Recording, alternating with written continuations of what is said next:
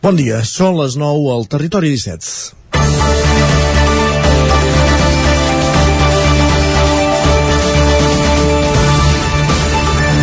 El conseller de Salut Josep Maria Argimon posava divendres a Granollers la primera pedra d'un nou centre de radioteràpia que l'Hospital Clínic instal·larà a la capital del Vallès Oriental, per tal de tenir dos centres, un al mateix Hospital Clínic a Barcelona i l'altre a la capital del Vallès Oriental, a Granollers.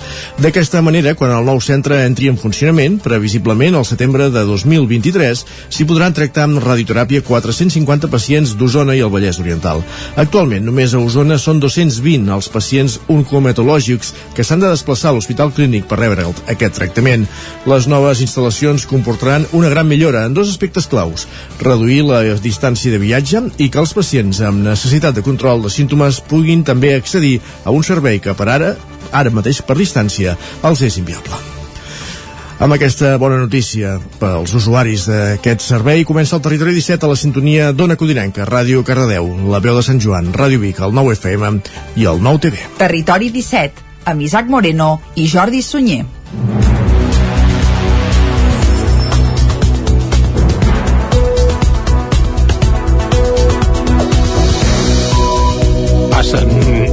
Minutets de les 9 del matí d'avui dimarts, dia 8 de febrer de 2022. Comença ara mateix un nou Territori 17 que avui, com sempre, durant la primera hora us acostarà tota l'actualitat de les nostres comarques. A partir de les 10 actualitzarem butlletins informatius i tot seguit anirem cap a l'entrevista. Correcte, avui amb l'Isaac Muntades des de la veu de Sant Joan parlarem de l'exposició que l'Espai Cultural de Cal Marquès de Camprodon obrirà a partir del proper dissabte amb una trentena d'armes que la Guàrdia Civil va comissar a finals del 2015 els dos impulsors del Museu de la Retirada, Alejandro Cuadrado i Lluís Bassaganya. En parlarem amb un d'ells, amb Lluís Bassaganya, que s'encarrega de gestionar aquesta exposició a Cal Marquès, i també amb la regidora de Turisme, Activitats i Promoció Econòmica de l'Ajuntament de Camprodon, Maria Àngels Reixac. A dos quarts d'onze serà el moment de les piulades amb Guillem Sánchez, després passarem per la taula de redacció i tot seguit qui ens visitarà avui serà en Gil Salvans. I amb ell parlarem d'aquesta fira de la construcció i l'energia sostenible que es farà la propera setmana entre els dies 17 i 19 de febrer a la ciutat de Vic. A les 11 serà el torn de tornar-nos a actualitzar amb més notícies i tot seguit, com que és dimarts, ens tocarà parlar d'economia. De macroeconomia, avui amb en Joan Carles Arredondo, ja ho sabeu, el cap d'economia del 9-9 del Vallès Oriental, avui parlarem del PIB, del PIB del complicat. Aviam si en traiem l'entrellat. Ja I a la darrera mitja hora pujarem al tren, com cada dia a la R3, a la Trenc d'Alba, i avui, com tots els dimarts, també acabarem amb el racó de pensar. Amb la Maria López des de Ràdio Televisió Cardedeu, amb algun altre aspecte a tenir en compte des de l'àmbit educatiu. I ara que ja estem situats, del que farem des d'ara i fins al punt de les 12 del migdia, el que ens toca és arrencar tot fent un repàs a l'actualitat de les nostres comarques, les comarques del Ripollès, Osona, el Moianès i el Vallès Oriental.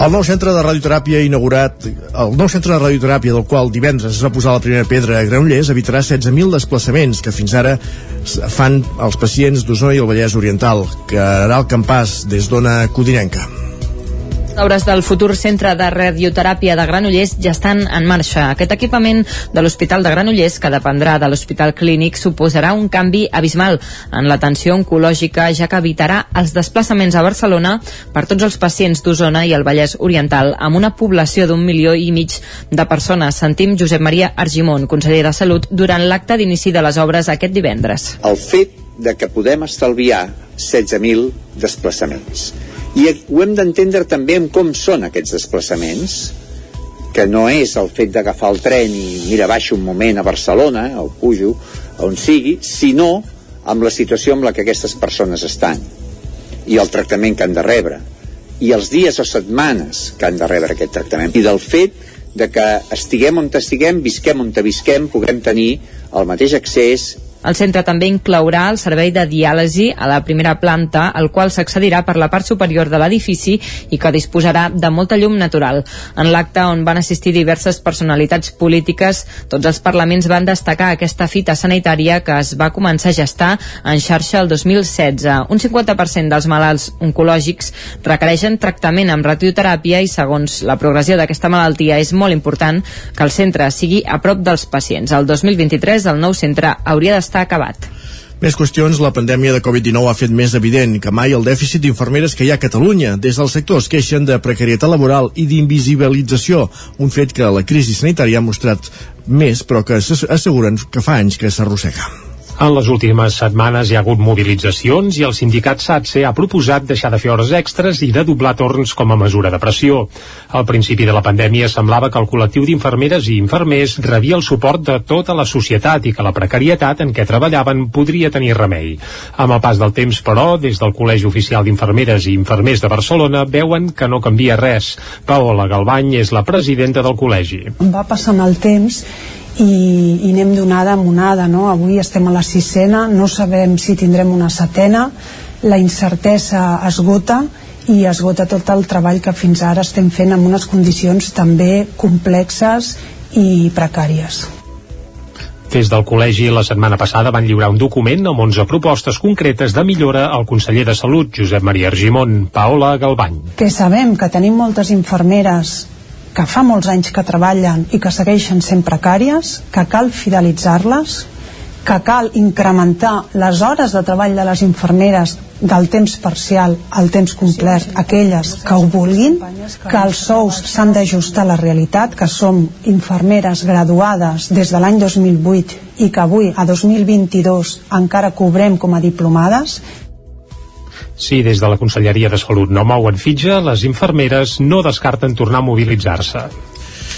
El risc de rebrot de la Covid-19 baixa 3.000 punts al Ripollès. Isaac Muntades, des de la veu de Sant Joan. Ja es pot considerar que la sisena onada s'ha acabat al Ripollès. Tots els indicadors van a la baixa amb caigudes en picat. Per exemple, segons el portal web Dades Covid del 28 de gener al 3 de febrer, el risc de rebrot a la comarca és de 1.763 punts, una xifra que encara és molt alta, però que ha caigut uns 3.000 punts en només una setmana. La taxa de propagació RT del virus s'ha reduït a gairebé la meitat i és de només 0,55 punts. També es fan menys proves PCR PCR i test d'antigen ràpids, gairebé 1.200, i la positivitat és de poc més del 13,5%. Al Ripollès ja s'han detectat 7.687 casos de la malaltia i s'han registrat 101 defuncions. Les últimes dades de pacients ingressats a la comarca és de 7 persones ingressades, quan el pic d'aquesta onada havia arribat a gairebé una vintena, i de 8 professionals sanitaris contagiats o aïllats a casa. Pel que fa a la vacunació, la comarca té un bon índex de gent vacunada i ja hi ha gairebé 11.000 persones que s'han posat 3 dosis de la vacuna, un 43% dels habitants de la comarca. Pel pel que fa a la primera dosi, ja hi ha més del 80% dels ripolleros vacunats, més de 20.600 persones i gairebé 20.000 que tenen la pauta completa. Gràcies, Isaac. Canviem de qüestió. Els Mossos d'Esquadra han detingut un veí de 46 anys dels Hostalets de Balanyà que tenia una plantació de marihuana en una nau del poble. La detenció que es va produir divendres culminava una investigació oberta des del mes de desembre. Els agents es van presentar a la fàbrica i un cop a dins van veure que hi havia un doble fons fet amb fusta i amb cinc portes d'accés a d'altres estances. En dues d'aquestes habitacions hi van trobar 2.860 plantes de marihuana en un estat de floració avançat i també elements per a la plantació interior com transformadors, extractors o focus. El detingut a qui s'atribueix un presumpte delicte contra la salut pública i un altre de defraudació de fluid elèctric va quedar en llibertat després de declarar a comissaria amb l'obligatorietat de presentar-se davant del jutge quan se'l requereixi. Vic es convertirà en l'epicentre de la construcció i l'energia sostenibles de Catalunya entre els dies 17 i 19 de febrer, amb la primera edició d'una fira que recull l'estela d'altres certàmens que s'havien celebrat a la ciutat en aquest àmbit. Hi haurà més d'una cinquantena d'expositors i la fira serà totalment presencial, tot i que caldrà inscriure's a les activitats i tallers. Vic serà la seu els propers dies 17, 18 i 19 de febrer de la primera Fira de l'Energia i la Construcció Sostenible. El recinte firal del Sucre acollirà aquesta nova proposta que aglutina algunes fires com la de la fusta constructiva o la de la biomassa de Catalunya, que ja s'havien celebrat a la ciutat anys enrere. Escoltem per aquest ordre a Titi Roca, regidor de Fires i Mercats de l'Ajuntament de Vic, i Anna Sanitges, directora general d'Ecosistemes de la Generalitat. L'únic que busquem és buscar sinergies entre tots els agents que treballaven en aquestes fires i fer una gran fira que sigui referent no? a Vic, però sobretot també al nostre país, perquè sigui una fira referent amb, amb la salut, amb un dels aspectes que nosaltres com a ciutat portem en el nostre programa, que és la, una ciutat saludable, per tant per un país millor, per un país amb una economia circular. Una fira que també dona resposta a una de les principals necessitats del país i de la societat, eh, que és fer front a l'emergència climàtica una fira que potenciant les renovables d'una banda ens ajuda a reduir aquestes emissions de CO2 eh, i assolir els objectius que tenim com a país. La fira vol ser un punt de trobada del teixit empresarial dels sectors vinculats amb la producció d'energia sostenible i la bioconstrucció. Alhora estarà obert al públic general i comptarà amb més d'una cinquantena d'expositors i un espai destinat a tallers, jornades tècniques o activitats complementàries. L'Ajuntament de Vic vol que la fira tingui continuïtat i que en els propers anys deix creixi la presència d'expositors d'altres països. Titi Roca. Hi ha alguna, alguna empresa que sí que hi ha a la fora però majoritàriament són gent de comarca i Catalunya diguéssim que, que venen a, exposar. Però creiem que en un futur eh, tenim intenció no, de que això es pugui internacionalitzar i sobretot també pel país veí que si volen venir eh, benvinguts seran a la, a la fira la fira serà completament presencial, però caldrà inscriure's a les activitats previstes. Ja es volia celebrar durant el 2021, però la pandèmia ho va fer impossible. Després d'un parèntesi a causa de la pandèmia, aquest dissabte s'han tornat a commemorar els fets de la gleba. L'expresident de la Generalitat, Quim Torra, va ser l'encarregat de fer el Parlament inicial a la plaça del Santuari de la Gleba i un cop fets els parlaments, una marxa de torxes amb els Miquelets i la Coronela de Barcelona va anar a peu fins a la plaça de l'Església de Sant Hipòlit de Voltregà. La jornada organitzada per l'Ajuntament d'aquest municipi i diverses entitats va acabar amb un sopar popular i un concert dels tranquils al pavelló. La commemoració recorda el combat entre les tropes austriacistes i les borbòniques el 3 de febrer de 2014 en la Guerra de Successió i l'assassinat de 120 presoners de guerra catalans al Santuari de la Gleva. L'homenatge es va començar a fer l'any 2011. I després d'un any d'absència a causa de la pandèmia, torna al cau de bruixes de Centelles i ho farà en les seves dates habituals, 15 dies abans del Carnaval oficial. La festa que converteix Centelles en la capital esotèrica de Catalunya comença avui i s'allargarà fins al 13 de febrer. Aquest any tocaria celebrar les noces d'argent del cau de bruixes, però la 25a edició arribarà l'any vinent, ja que el 2021 el cau es va suspendre per culpa de la Covid. Aquest any la festa també va perillar, però al final s'ha pogut tirar endavant en les dates habituals, 15 dies abans dels grans carnavals. Ho explica Josep Paré, alcalde de Centelles. Enguany, evidentment, amb totes les mesures i els condicionants amb els que estem, doncs s'ha plantejat mantenir el cau de bruixes amb la data que estava prevista i, per tant, des del dia 8 fins al 13 de febrer hi haurà les diferents activitats del cau de bruixes agafant la màxima esplendor d'aquestes al llarg del cap de setmana del, del 12 i 13 amb l'objectiu que Centelles torni a ser aquest, aquest referent doncs, que representa el, el cau de bruixes pel municipi en, pel conjunt de la comarca i m'atreviria a dir pel, pel conjunt del país pel que fa a activitats, el cau de bruixes torna amb els ingredients habituals, amb algun retoc per adaptar-se a les restriccions derivades de la pandèmia. Avui mateix a la tarda comencen els actes amb una hora del conte especial a la Biblioteca de la Cooperativa, tot i que el dia central serà el dissabte dia 12. Al matí s'inaugurarà el mercat esotèric i de productes naturals i durant tot el dia hi haurà conferències, música, tallers i a la nit arribarà el moment més esperat, la proclamació de la bruixa de l'any, honor que recau en una dona de Centelles en reconeixement a la seva tasca cultural, social o associativa. L'última, l'any 2020, va ser Sílvia Roca. Tot i que la festa recupera la seva essència, des de Centelles tenen clar que encara no serà una edició del tot convencional. Segueix havent-hi un, un virus que està provocant doncs, una situació anòmala i per tant doncs, no, no preveiem les aglomeracions d'anys anteriors Normalment, el cap de setmana després del cau de bruixes, Centelles celebrava el Carnaval. Aquest any, però, les dues festes no aniran de bracet, ja que el Carnaval s'ha ajornat fins al 19 de març. I un darrer punt abans del temps, perquè torna Objectiu Paqui, el talent show musical de Ràdio Televisió Cardedeu i el casal de joves La Paqui, que es podrà veure a les televisions de la xarxa. Núria Lázaro, des de Ràdio Televisió Cardedeu. Dissabte vam conèixer les 10 concursants que participaran en aquesta segona edició d'Objectiu Paqui, el talent show musical de les televisions locals. El jurat ho va tenir molt complicat per decidir entre les 16 aspirants que van arribar a la final de càsting, però després de més de 4 hores ja sabem qui seran aquestes 10 noies que aquest cap de setmana ja viuran els primers assajos amb en Susmandia. L'Abril, l'Anna, l'Ari, la Gisela, la Salma, la Mariona, la Jana, la Xènia, la Martina i la Naia són les 10 concursants d'Objectiu Paqui.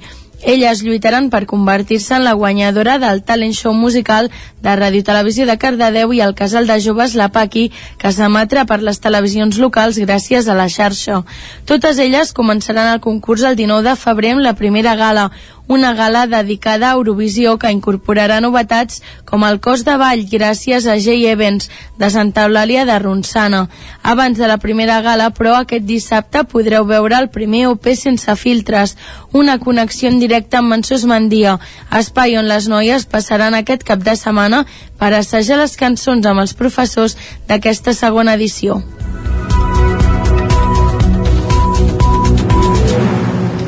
Acabem aquí aquest repàs informatiu que hem començat al punt de les 9 en companyia de Jordi Sunyer, Núria Lázaro, Caral Campàs, Isaac Muntades. Moment ara de saludar en Papa Costa, moment de conèixer la previsió del temps.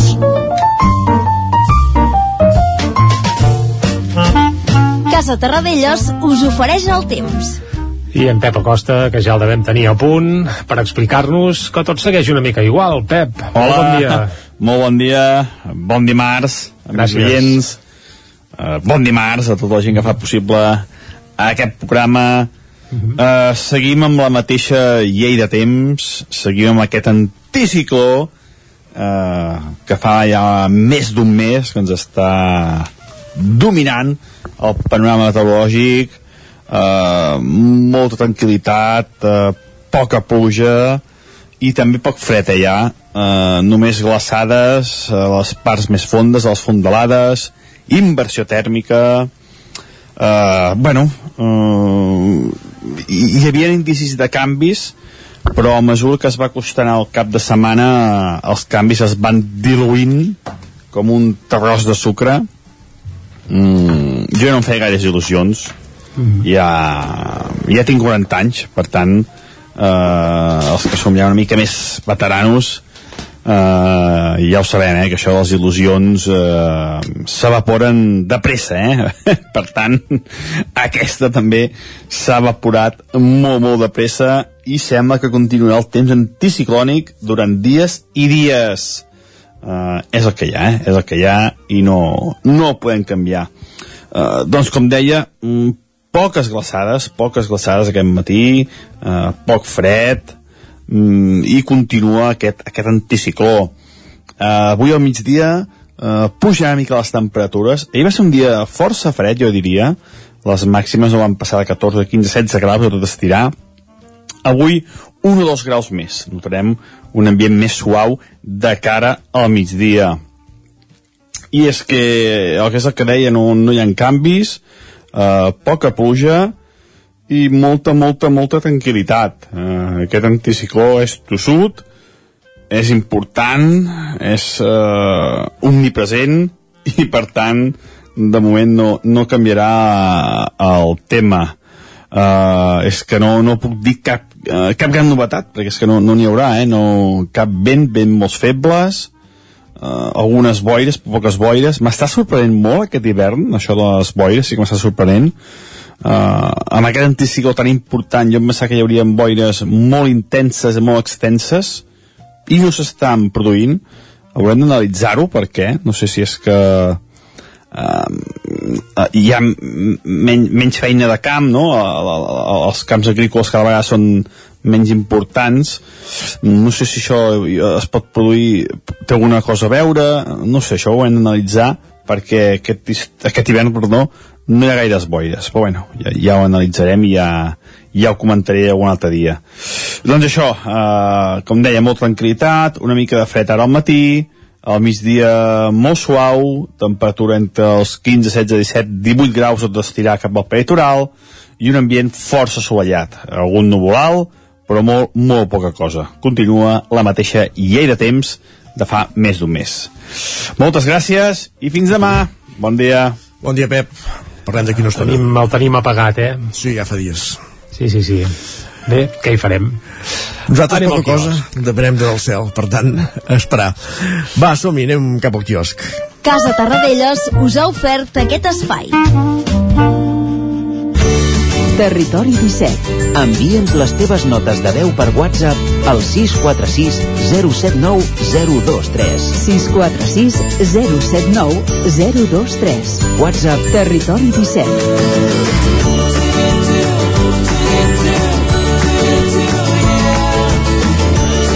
Territori 17.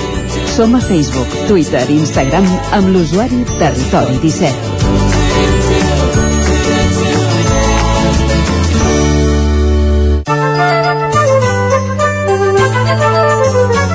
Doncs vinga, al quiosc, anem a conèixer les portades dels diaris del dia. Per on comencem, Jordi? Comencem, com fem sempre, pel punt avui, que titula Nova reobertura.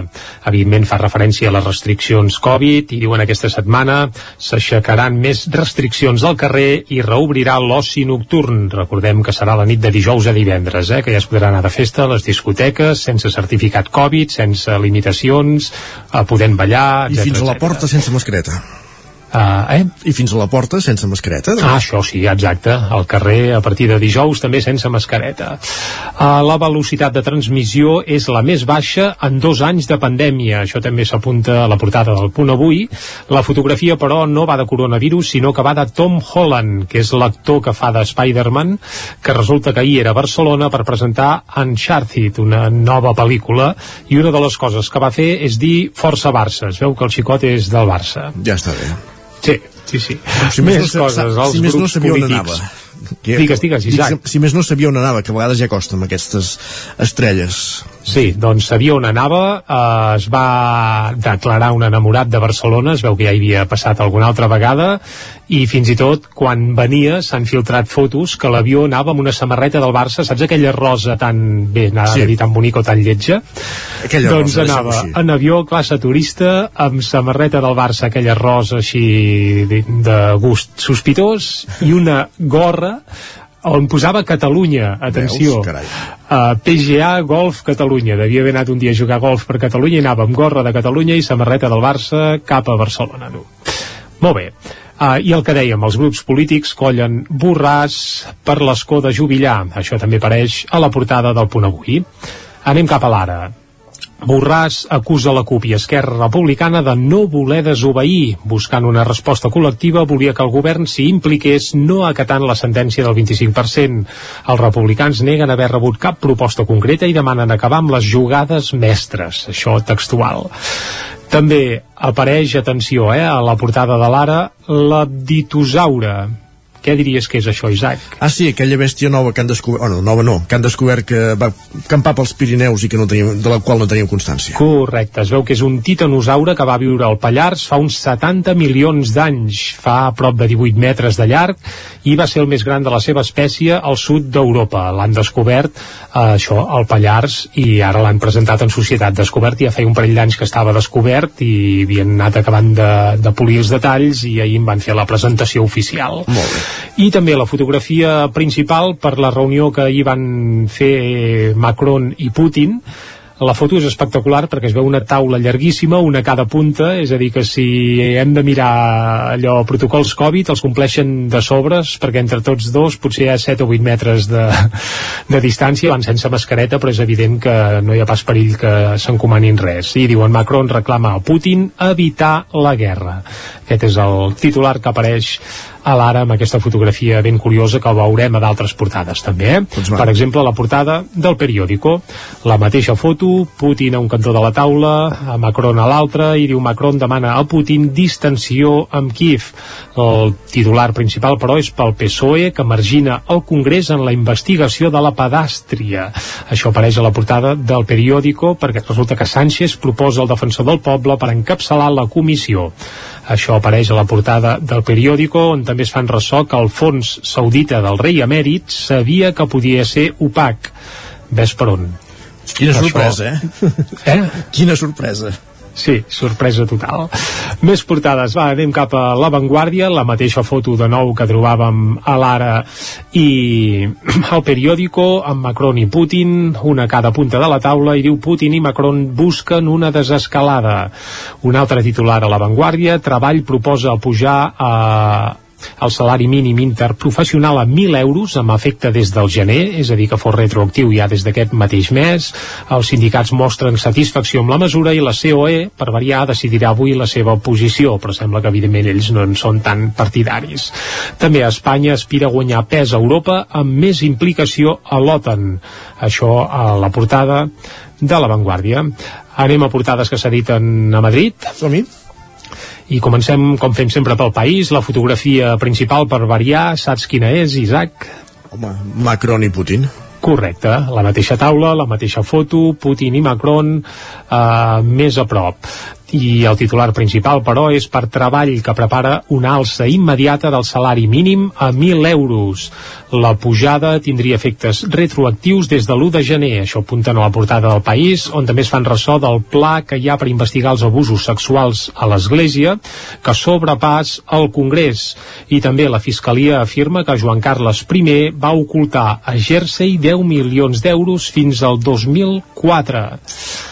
déu nhi Mm, I uh, parlem també d'eleccions a Castella i Lleó, eh, que això, sí, no. les portades que s'editen des de Madrid n'estan molt pendents d'aquestes eleccions i diuen l'auge de les candidatures localistes eleva la incertesa a la recta final de la campanya. Això a la portada del país. Anem cap al Mundo, va. El PP es llança a mobilitzar 85.000 indecisos per assegurar-se al govern. Evidentment també fan referència a les eleccions a Castella i Lleó i diuen que s'estima que hi ha un 20% de votants dubtosos i que el PP doncs, els pressionarà perquè els votin a ells, evidentment. Uh, atenció, Griezmann ha promès 7 milions en comissions al seu advocat el Mundo ha accedit en exclusiva a una denúncia de la porta contra l'anterior directiva del Barça pel fitxatge del francès i reprodueix els e-mails de l'operació. Continua el Mundo furgant en la seva, entre cometes, crisi barcelonista i apunten això. Ara el nom de Griezmann també apareix per allà al mig perquè el fitxatge que n'havia fet Bartomeu sembla que no estaria del tot, del tot clar.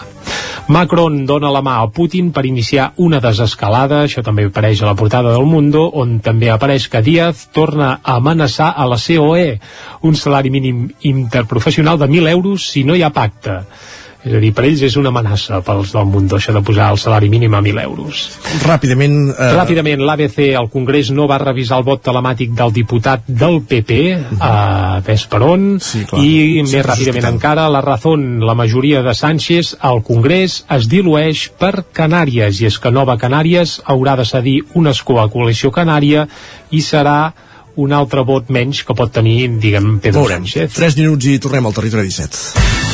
El nou FM, la ràdio de casa, al 92.8. Gràfics Air, el seu proveïdor global en rotulació i impressió digital. Oferim servei de disseny, producció i instal·lació de qualsevol projecte en rotulació industrial i comercial. Rètols corporis, senyalització preventiva, senyalització viària, senyalització interior de naus, vinils decoratius per a oficines i establiments comercials, rotulació de vehicles... Confia en els serveis que li pot oferir Gràfics Air. Ens trobarà al carrer Lleida 39 de Vic o a graphicsAir.com. Això és el que s'escolta al voltant d'una caldera Saunier Duval. Tranquilitat i benestar, perquè gaudeix del millor manteniment del servei tècnic oficial per estar despreocupat. O el que vulgui. Informis a Oficiat Nord trucant al 938860040. Saunier Duval, sempre al seu costat. Cefusol, centre de formació de soldadura GURB. Som especialistes en processos de soldadura. Disposem d'instal·lacions totalment equipades per classes de teòrica i pràctica amb cabines individuals i equipaments de seguretat. Assessorem empreses i oferim cursos subvencionats i bonificats. Vine i t'informarem. Cefusol, som al carrer Sant Roc, número 9 de GURB. Telèfon 664 206 192. També ens trobaràs a cefusol.com i a YouTube. Fa que no menges pluma ibèrica de Salamanca i xuletilles de lechal a la brasa amb una bona amanida? Oh, i un xuletón de vedella gallega? O lechazo de Castilla al forn? Ah, i botillo del Bierzo amb cachelos i col? Ei, i cochinillo a l'estil de Segovia, i tot acompanyat d'un bon celler. Oh, i uns bons serranitos de pollastre, de llom, d'hamburguesa, del que tu vulguis. Per menjar la millor cuina de Lleó sense moure't de casa, vine a El Racó de León. Fem cuina tradicional lleonesa i de mercat. Vine amb la família, amb els amics, amb la parella o sol. T'encantarà. El racó de León. Som al carrer Torelló 35 de Vic. Reserves 93 889 1950. Tanquem els dimarts. El racó de León. Vine a tastar una cuina diferent. Cobertes serveis funeraris. Els nostres tanatoris estan ubicats en els nuclis urbans més poblats de la comarca d'Osona per oferir un millor servei. Tanatori de Vic, Tanatori de Manlleu, Tanatori de Centelles i Tanatori de Roda de Ter. Sabem que són moments difícils i per això el nostre compromís és atendre-us en tot moment amb un tracte humà, sensible i respectuós. Cobertes serveis funeraris. Telèfon 24 hores 93 883 23 46. Anuncia't al 9FM. La màquina de casa. 9 3 8 8 9 4 9 4 9. Publicitat arroba al 9FM.cat. Anuncia't al 9FM. La publicitat més eficaç.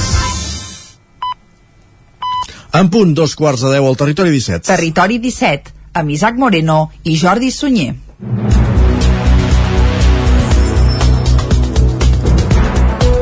A dos quarts de deu en punt, el que toca és avançar-vos ara mateix el que farem fins al punt de les 12 i de seguida us acostarem de nou tota l'actualitat de les nostres comarques. Abans de les 10, com sempre, hi posarem una mica de música. Avui per eh, escoltar una novetat d'un dels artistes que ens agraden més de l'àmbit nacional, almenys a mi en particular, eh? tot i que no és del territori 17. Sorprèn-nos, va. Va, alguna pista o no? Ho deixem aquí, ho deixem aquí. Va, ja en parlem. Va, deixem-ho aquí, deixem-ho aquí. Però havia tingut vincles amb Osona, això sí, eh? Amb un grup, ara la pista és total, però que es deia Beri Pomelo. D'acord, Ah, doncs deixem ara així. camina sol. Més coses. A les 10 actualitzarem butlletí informatiu i després a l'entrevista avui anirem cap a la veu de Sant Joan. Correcte. Parlarem d'una exposició que s'inaugura aquest dissabte i que compta amb una trentena d'armes que la Guàrdia Civil va comissar a finals de l'any 2015 als dos impulsors del Museu de la Retirada, Alejandro Cuadrado i Lluís Bassaganya. De fet, en parlarem amb el mateix Bassaganya, que s'encarrega de gestionar aquesta nova exposició que s'inaugura dissabte a Can Marquès, i també la regidora de Turisme, Activitats i Promoció Econòmica i Cultura de l'Ajuntament de Camprodon, Maria Àngels Reixac. A dos quarts d'onze serà el moment de parlar de piulades amb en Guillem Sánchez, després parlarem de la taula de redacció, ampliant algunes informacions, i com sempre, els dimarts parlarem de meteorologia i medi ambient. Avui, en concret d'energia, amb en Gil Salvans, de l'Agència de l'Energia d'Osona, parlem d'aquesta fira de la qual ja hem parlat també a les notícies, que es farà la- setmana vinent, entre els dies 17 i 19 de febrer, una fira sobre construcció i energies sostenibles que acollirà el recinte firal del Sucre de Vic. A les 11 actualitzarem butlletí informatiu i tot seguit arribarà el moment de parlar d'economia. Avui amb en Joan Carles Arredondo intentarem fer didàctiques tres lletres, P i B, el producte interior brut. En parlarem. A dos quarts de 12 uh, pujarem al tren, com cada dia, la trenc d'alba, i acabarem, com que és dimarts, amb el racó de pensar. Amb la Maria López, des de Ràdio Televisió Cardedeu. I ara el que toca, per continuar, és acostar-vos de nou l'actualitat de les nostres comarques. Ja ho sabeu, les comarques del Ripollès, Osona, el Moianès i el Vallès Oriental.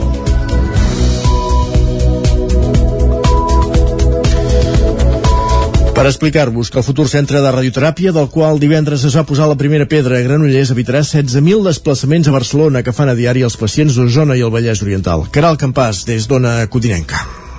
Les obres del futur centre de radioteràpia de Granollers ja estan en marxa. Aquest equipament de l'Hospital de Granollers, que dependrà de l'Hospital Clínic, suposarà un canvi abismal en l'atenció oncològica, ja que evitarà els desplaçaments a Barcelona per tots els pacients d'Osona i el Vallès Oriental, amb una població d'un milió i mig de persones. Sentim Josep Maria Argimon, conseller de Salut, durant l'acte d'inici de les obres aquest divendres. el fet de que podem estalviar 16.000 desplaçaments.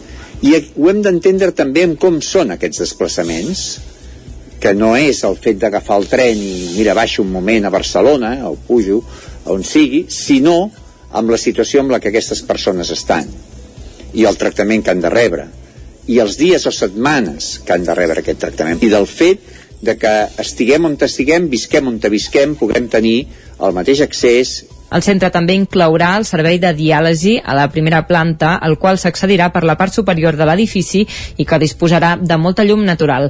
En l'acte on van assistir diverses personalitats polítiques, tots els parlaments van destacar aquesta fita sanitària que es va començar a gestar en xarxa el 2016. Un 50% dels malalts oncològics requereixen tractament amb radioteràpia i segons la progressió d'aquesta malaltia és molt important que el centre sigui a prop dels pacients. El 2023 el nou centre hauria d'estar acabat. Gràcies, Caral. Més qüestions. La pandèmia de Covid-19 ha fet més evident que mai el dèficit d'infermeres que hi ha a Catalunya. Des del sector es queixen de precarietat laboral i d'invisibilització, un fet que la crisi sanitària ha mostrat més, però que asseguren fa anys que s'arrossega. En les últimes setmanes hi ha hagut mobilitzacions i el sindicat SATSE ha proposat deixar de fer hores extres i de doblar torns com a mesura de pressió. Al principi de la pandèmia semblava que el col·lectiu d'infermeres i infermers rebia el suport de tota la societat i que la precarietat en què treballaven podria tenir remei. Amb el pas del temps, però, des del Col·legi Oficial d'Infermeres i Infermers de Barcelona veuen que no ha canviat res. Paola Galbany és la presidenta del col·legi.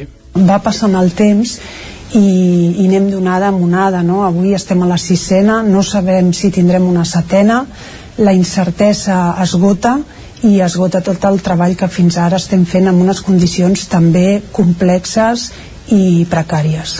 Des del col·legi la setmana passada van lliurar un document amb 11 propostes concretes de millora al conseller de Salut, Josep Maria Argimon. Escoltem a Paola Galbany. Que sabem que tenim moltes infermeres que fa molts anys que treballen i que segueixen sent precàries, que cal fidelitzar-les, que cal incrementar les hores de treball de les infermeres del temps parcial al temps complet, aquelles que ho vulguin, que els sous s'han d'ajustar a la realitat, que som infermeres graduades des de l'any 2008 i que avui, a 2022, encara cobrem com a diplomades, si des de la Conselleria de Salut no mouen fitxa, les infermeres no descarten tornar a mobilitzar-se.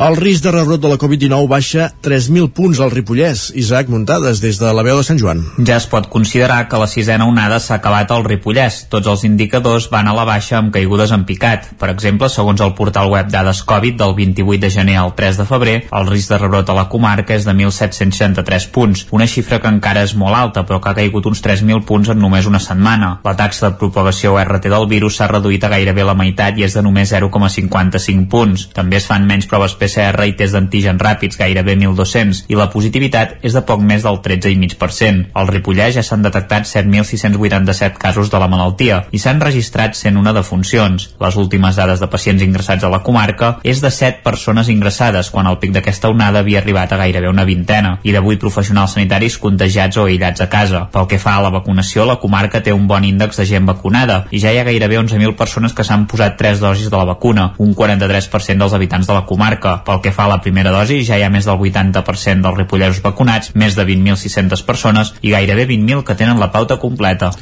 Els Mossos d'Esquadra han detingut un veí de 46 anys dels hostalets de Balanyà que tenia una plantació de marihuana en una nau. La detenció, que es va produir divendres, culminava una investigació oberta des del mes de desembre. Els agents es van presentar a la fàbrica i un cop a dins van veure que hi havia un doble fons fet amb fusta i amb cinc portes d'accés a d'altres estances. En dues d'aquestes habitacions hi van trobar 2.860 plantes de marihuana en un estat de floració avançat i també van trobar-hi elements per a la plantació interior com transformadors, extractors o focus. El detingut, a qui s'atribueix un presumpte delicte contra la salut pública i un altre de defraudació de fluid elèctric, va quedar en llibertat després de declarar a comissaria amb l'obligatorietat de presentar presentar-se davant del jutge quan se'l requereixi. Canviem de qüestió. Vic es convertirà en l'epicentre de la construcció i l'energia sostenibles de Catalunya entre els dies 17 i 19 de febrer amb, amb la primera edició d'una fira que recull l'estela d'altres certàmens que s'havien celebrat a la ciutat en aquest àmbit. Hi haurà més d'una cinquantena d'expositors i la fira serà totalment presencial, tot i que caldrà inscriure's a les activitats i tallers. Vic serà la seu els propers 17, 18 i 19 de febrer de la primera Fira de l'Energia i la Construcció Sostenible.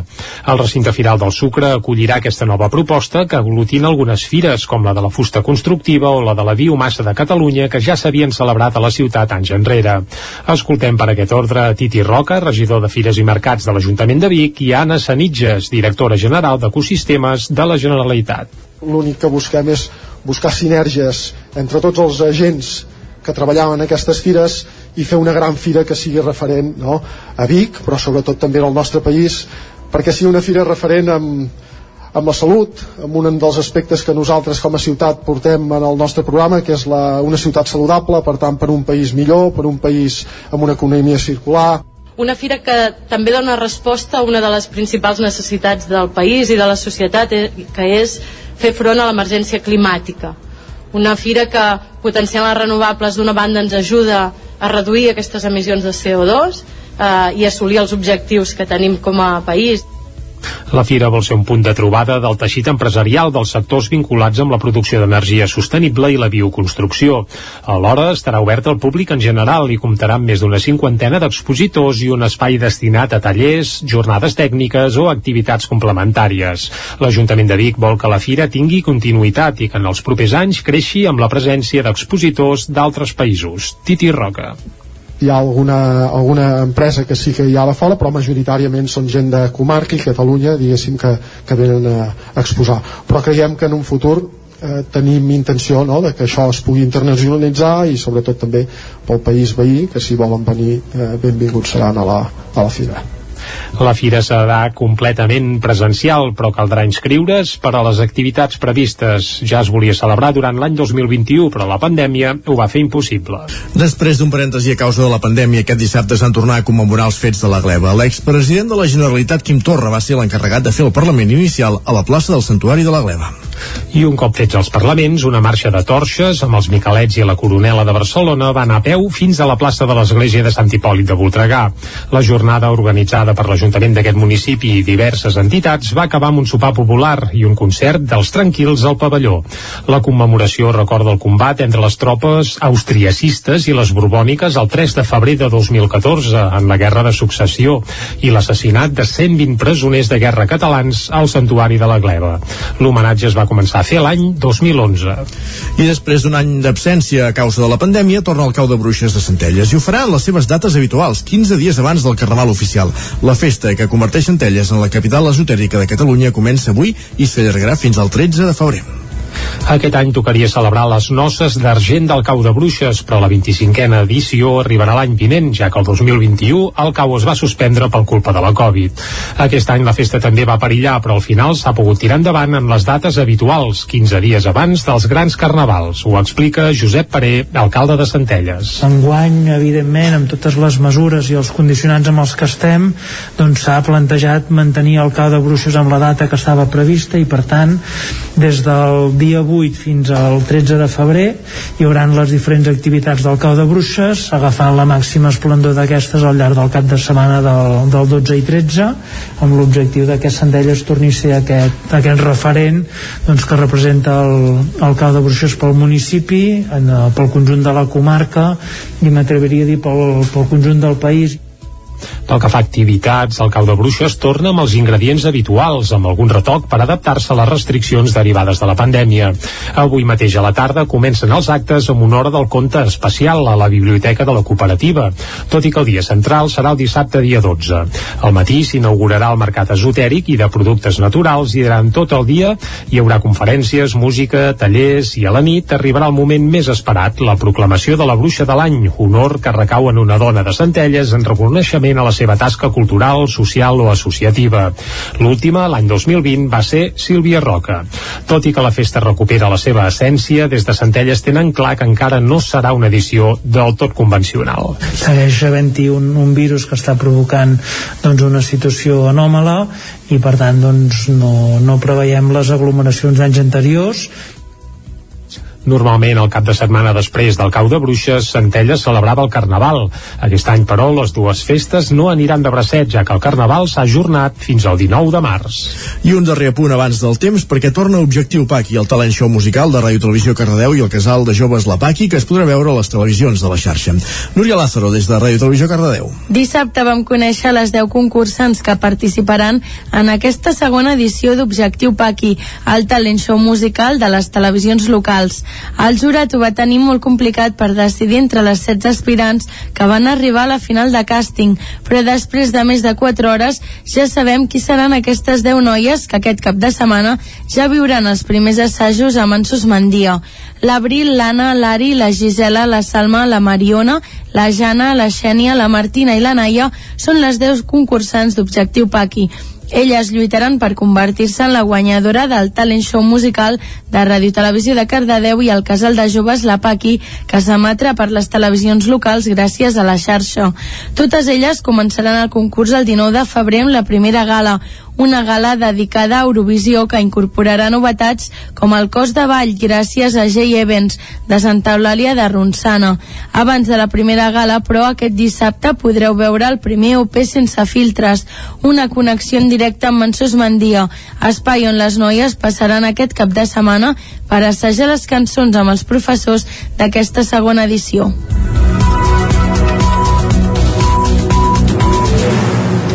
Acabem aquí aquest repàs informatiu que hem començat al punt de les 9 en companyia de Jordi Sunyer, Núria Lázaro, Caral Campàs, Isaac Muntades. Moment ara de saludar en Pepe Costa. Moment de conèixer la previsió del temps.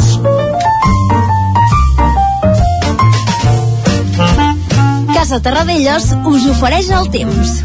I en Pep Acosta, que ja el devem tenir a punt, per explicar-nos que tot segueix una mica igual. Pep, Hola, bon dia. Molt bon dia, bon dimarts, amics oients. Uh, bon dimarts a tota la gent que fa possible aquest programa. Uh, seguim amb la mateixa llei de temps, seguim amb aquest anticicló uh, que fa ja més d'un mes que ens està dominant el panorama meteorològic, uh, molta tranquil·litat, uh, poca pluja, i també poc fred eh, ja. Uh, només glaçades a les parts més fondes, a les fondalades inversió tèrmica uh, bueno uh, hi, hi havia indicis de canvis però a mesura que es va acostant el cap de setmana eh, els canvis es van diluint com un terròs de sucre mm, jo no em feia gaires il·lusions mm. ja, ja tinc 40 anys per tant eh, els que som ja una mica més veteranos eh, ja ho sabem, eh, que això de les il·lusions eh, s'evaporen de pressa, eh? per tant aquesta també s'ha evaporat molt, molt de pressa i sembla que continuarà el temps anticiclònic durant dies i dies Uh, és el que hi ha, eh? és el que hi ha i no, no ho podem canviar uh, doncs com deia mm, poques glaçades, poques glaçades aquest matí, uh, poc fred mm, i continua aquest, aquest anticicló. Uh, avui al migdia uh, puja una mica les temperatures. Ahir va ser un dia força fred jo diria. Les màximes no van passar de 14, 15, 16 graus a tot estirar. Avui un o dos graus més. Notarem un ambient més suau de cara al migdia. I és que el que és el que deia no, no hi ha canvis. Eh, poca pluja i molta, molta, molta tranquil·litat. Eh, aquest anticicló és tossut és important és eh, omnipresent i per tant de moment no, no canviarà el tema. Uh, és que no, no puc dir cap, uh, cap gran novetat perquè és que no n'hi no haurà eh? no, cap vent, vent molt febles uh, algunes boires, poques boires. M'està sorprenent molt aquest hivern això de les boires, sí que m'està sorprenent. uh, amb aquest anticicló tan important jo em pensava que hi hauria boires molt intenses i molt extenses i no s'estan produint. Haurem d'analitzar-ho perquè no sé si és que uh, hi ha men menys feina de camp no? els camps agrícoles cada vegada són menys importants. No sé si això es pot produir té alguna cosa a veure. No sé, això ho hem d'analitzar perquè aquest, aquest hivern perdó, no hi ha gaires boires però bueno, ja, ja ho analitzarem i ja, ja ho comentaré algun altre dia doncs això, eh, com deia molt tranquil·litat, una mica de fred ara al matí al migdia molt suau, temperatura entre els 15, 16, 17, 18 graus tot d'estirar cap al peritoral i un ambient força assolellat, algun nuvolal, però molt, molt poca cosa. Continua la mateixa llei de temps de fa més d'un mes. Moltes gràcies i fins demà. Bon dia. Bon dia, Pep. Parlem d'aquí no tenim, el tenim apagat, eh? Sí, ja fa dies. Sí, sí, sí. Bé, què hi farem? Nosaltres Anem poca cosa, depenem del cel, per tant, esperar. Va, som-hi, anem cap al quiosc. Casa Tarradellas us ha ofert aquest espai. Territori 17. Envia'ns les teves notes de veu per WhatsApp al 646 079 023. 646 079 023. WhatsApp Territori 17.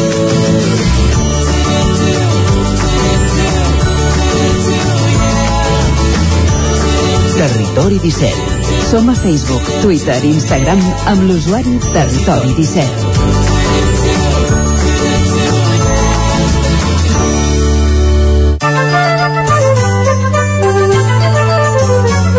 Doncs vinga, al quiosc, anem a conèixer les portades dels diaris del dia. Per on comencem, Jordi?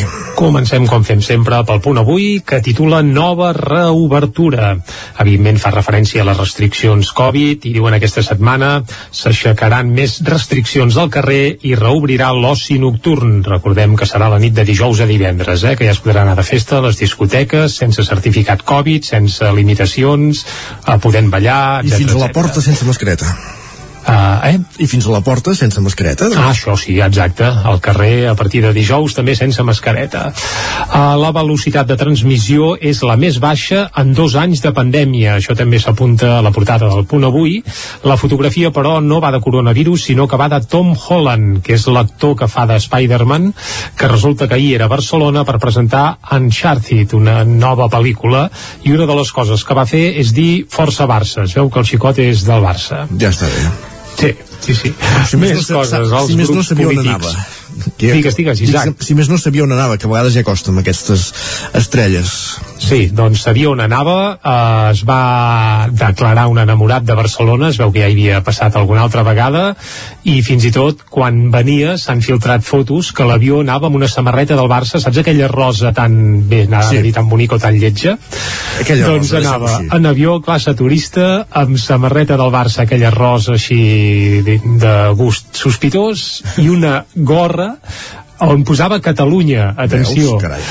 Uh, PGA Golf Catalunya devia haver anat un dia a jugar a golf per Catalunya i anava amb gorra de Catalunya i samarreta del Barça cap a Barcelona no? molt bé Uh, I el que dèiem, els grups polítics collen borràs per l'escó de Jubillar. Això també apareix a la portada del punt avui. Anem cap a l'ara. Borràs acusa la CUP i Esquerra Republicana de no voler desobeir. Buscant una resposta col·lectiva, volia que el govern s'hi impliqués no acatant la sentència del 25%. Els republicans neguen haver rebut cap proposta concreta i demanen acabar amb les jugades mestres. Això textual. També apareix, atenció, eh, a la portada de l'Ara, la ditosaura. Què diries que és això, Isaac? Ah, sí, aquella bèstia nova que han descobert... Oh, no, nova no, que han descobert que va campar pels Pirineus i que no tenim, de la qual no teníem constància. Correcte, es veu que és un titanosaure que va viure al Pallars fa uns 70 milions d'anys, fa a prop de 18 metres de llarg i va ser el més gran de la seva espècie al sud d'Europa. L'han descobert, eh, això, al Pallars i ara l'han presentat en societat descobert, ja feia un parell d'anys que estava descobert i havien anat acabant de, de polir els detalls i ahir en van fer la presentació oficial. Molt bé. I també la fotografia principal per la reunió que ahir van fer Macron i Putin la foto és espectacular perquè es veu una taula llarguíssima, una a cada punta, és a dir, que si hem de mirar allò protocols Covid, els compleixen de sobres, perquè entre tots dos potser hi ha 7 o 8 metres de, de distància, van sense mascareta, però és evident que no hi ha pas perill que s'encomanin res. I diuen Macron reclama a Putin evitar la guerra. Aquest és el titular que apareix a l'ara amb aquesta fotografia ben curiosa que veurem a d'altres portades també. Eh? per exemple, la portada del periòdico. La mateixa foto Putin a un cantó de la taula, a Macron a l'altre, i diu Macron demana a Putin distensió amb Kiev. El titular principal, però, és pel PSOE, que margina el Congrés en la investigació de la pedàstria. Això apareix a la portada del periòdico, perquè resulta que Sánchez proposa el defensor del poble per encapçalar la comissió.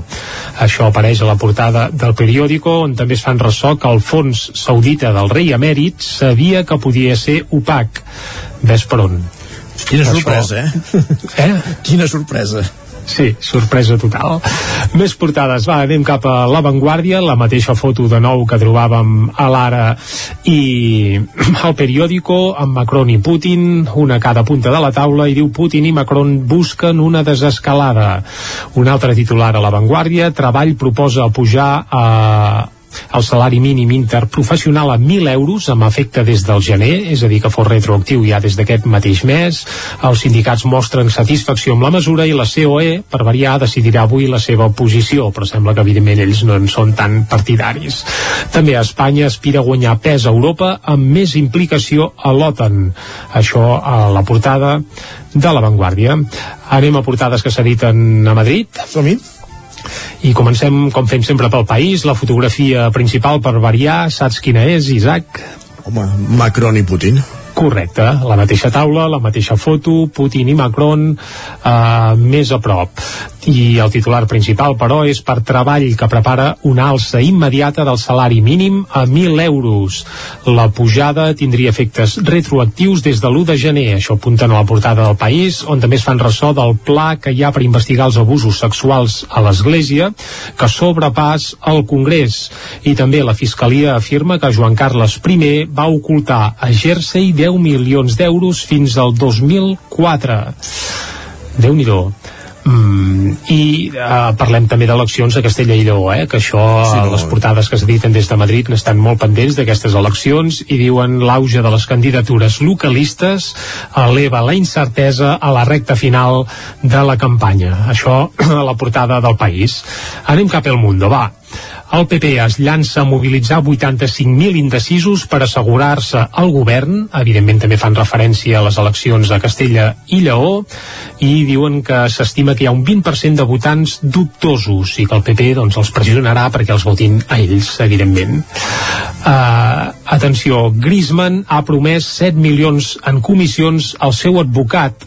El Mundo ha accedit en exclusiva a una denúncia de la porta contra l'anterior directiva del Barça pel fitxatge del francès i reprodueix els e-mails de l'operació. Continua el Mundo furgant en la seva, entre cometes, crisi barcelonista i apunten això. Ara el nom de Griezmann també apareix per allà al mig perquè el fitxatge que n'havia fet Bartomeu sembla que no estaria del tot, del tot clar. Macron dona la mà a Putin per iniciar una desescalada, això també apareix a la portada del Mundo, on també apareix que Díaz torna a amenaçar a la COE un salari mínim interprofessional de 1.000 euros si no hi ha pacte. És a dir, per ells és una amenaça pels del Mundo això de posar el salari mínim a 1.000 euros. Ràpidament... Eh... Ràpidament, l'ABC, el Congrés, no va revisar el vot telemàtic del diputat del PP, uh -huh. a ves per on, sí, clar. i més sí, ràpidament sí, encara, la raó, la majoria de Sánchez, al Congrés es dilueix per Canàries, i és que Nova Canàries haurà de cedir un escó a Coalició Canària i serà un altre vot menys que pot tenir, diguem, Pedro Sánchez. Veurem, a la majoria, vaja.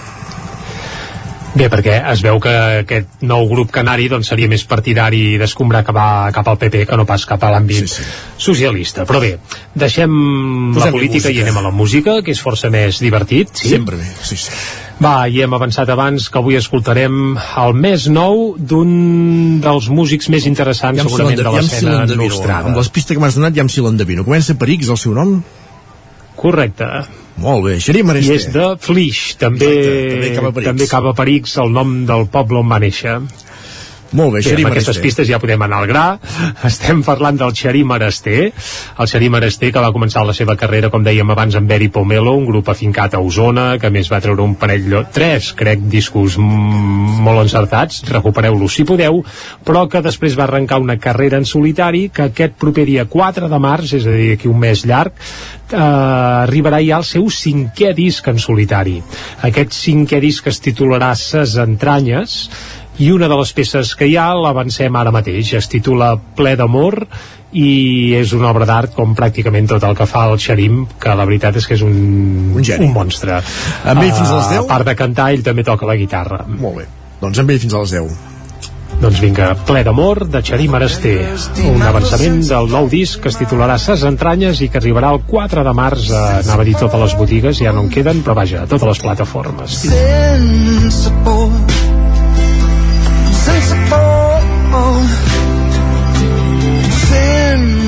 sense por vet aquí que el dia mai no arriba tant hi ha milions d'estrelles sobre el nostre cap. Tot és al seu lloc. Tot és al seu lloc. Tot és al seu lloc. Tot és al seu lloc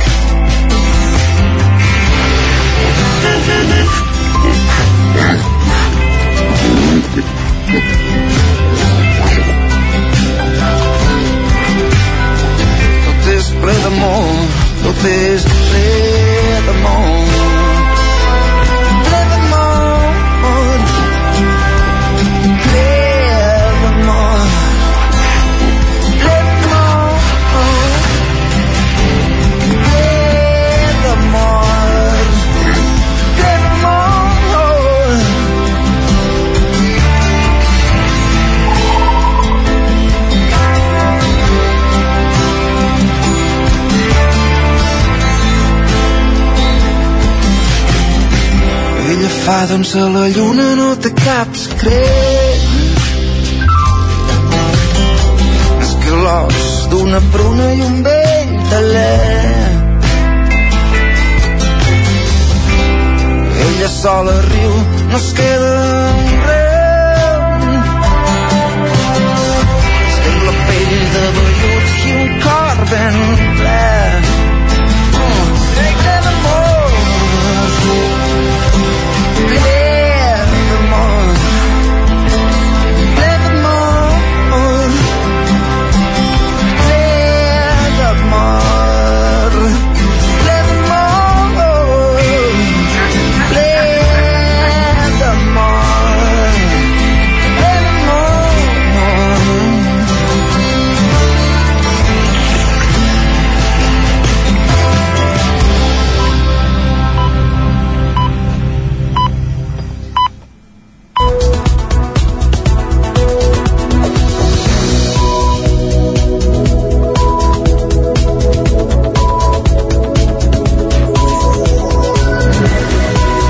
Moment ara al territori 17 de posar-nos al dia, d'actualitzar-nos amb les notícies més destacades de les nostres comarques, les notícies de casa nostra, les notícies del Ripollès, el Moianès, Osona i el Vallès Oriental, en connexió amb les diferents emissores que cada dia fan possible aquest programa, la veu de Sant Joan, Ona Codinenca, Ràdio Cardedeu, Ràdio Vic, el 9 FM i el 9 TV.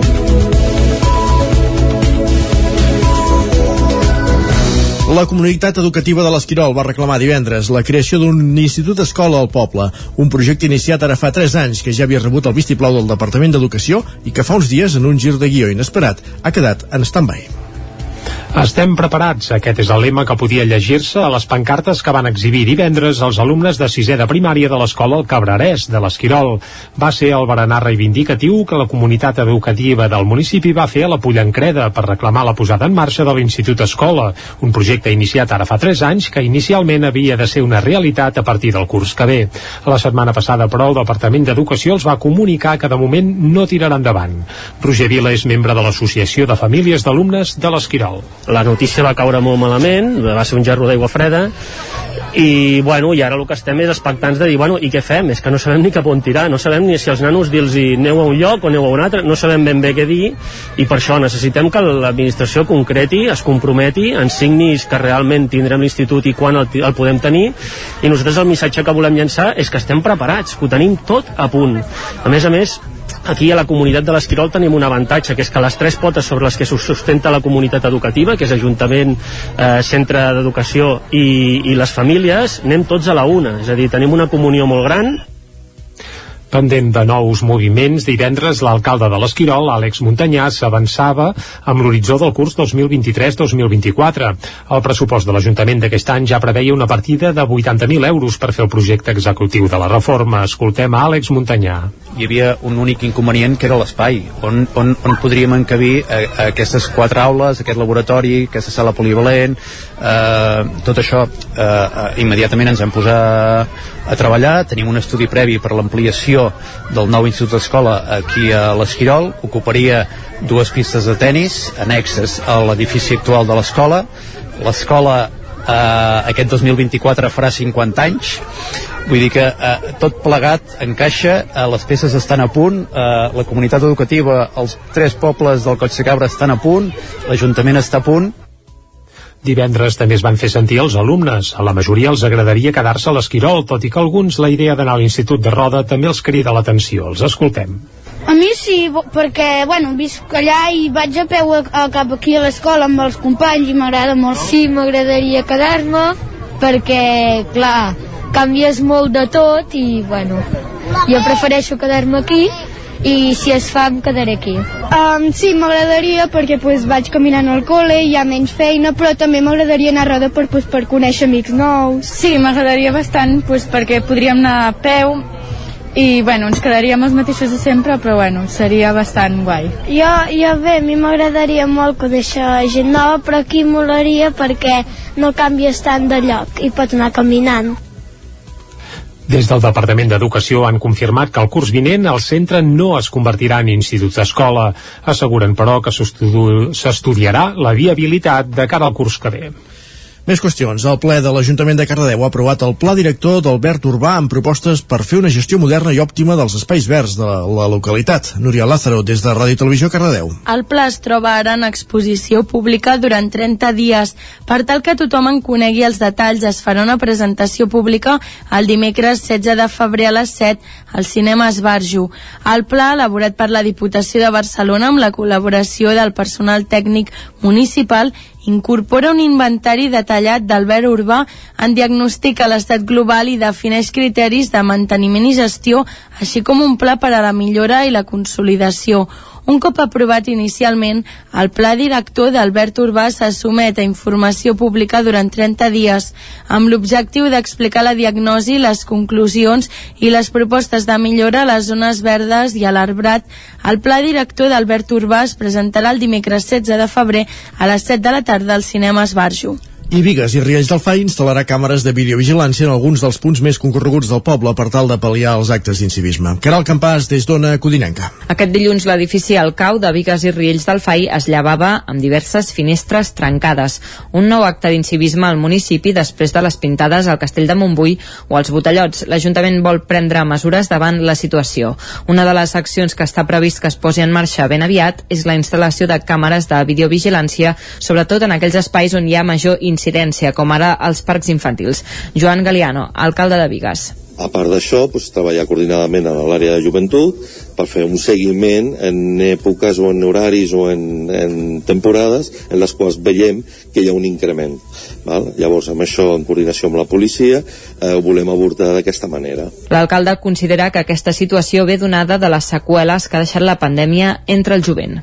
Hem passat una situació molt complicada a tots els nivells, en tots els sectors, i entenem de que aquí també hi ha una, una, una, una fan de rebeldia que, que, que està fent que, pues, que hi hagi uns canvis d'actitud i, de, i de protocols també d'actuació en aquest tipus de grups que allò que abans pues, podíem fer asseguts en un banc pues, ara es tradueixi en llançar una pedra a un fanal o fins i tot trencar una finestra llavors això ho estem detectant estem veient que això va increixent no només a Vigas i Riells, és a nivell de tota la comarca i de tot el país, és una realitat que ens estem trobant no?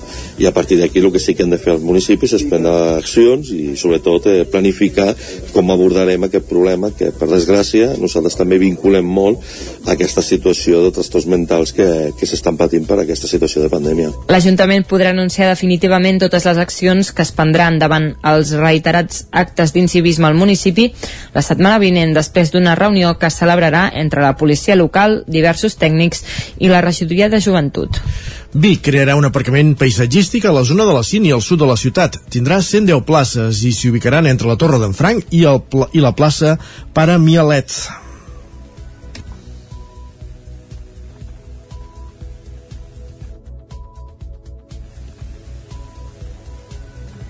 El planejament d'ordenació urbanística municipal o el POM de Vic preveu la creació d'aquestes bosses d'aparcaments a les entrades de la ciutat amb l'objectiu d'evitar l'entrada dels vehicles al centre i crear punts de fàcil aparcament pels barris de l'entorn.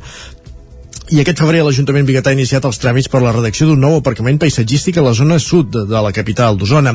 Es desenvoluparà una franja rectangular d'uns 5.500 metres quadrats ubicada en paral·lel a l'Avinguda dels Països Catalans, en concret en el tram entre la rotonda de la Sínia i la Torre d'en Franc i la ronda de la plaça Mialet, a tocar del barri de Santana. Tal com explica la regidora d'Urbanisme Fabiana Palmero, serà un aparcament paisatgístic, cosa que vol dir que es potenciarà la seva integració en un entorn poc urbanitzat, apostant per una terra absorbent i no d'asfalt. I també s'hi plantaran diversos diversos arbres. De l'altra, les dimensions de les places d'aparcament també estaran adaptades a unes característiques concretes i si les ràtios normals són les de 25 metres quadrats per vehicle, aquí seran de fins a 50 metres. En total, s'hi podran ubicar 110 zones d'estacionament. Si els tràmits administratius avancen tal com està previst, les obres haurien de començar a finals del 2022.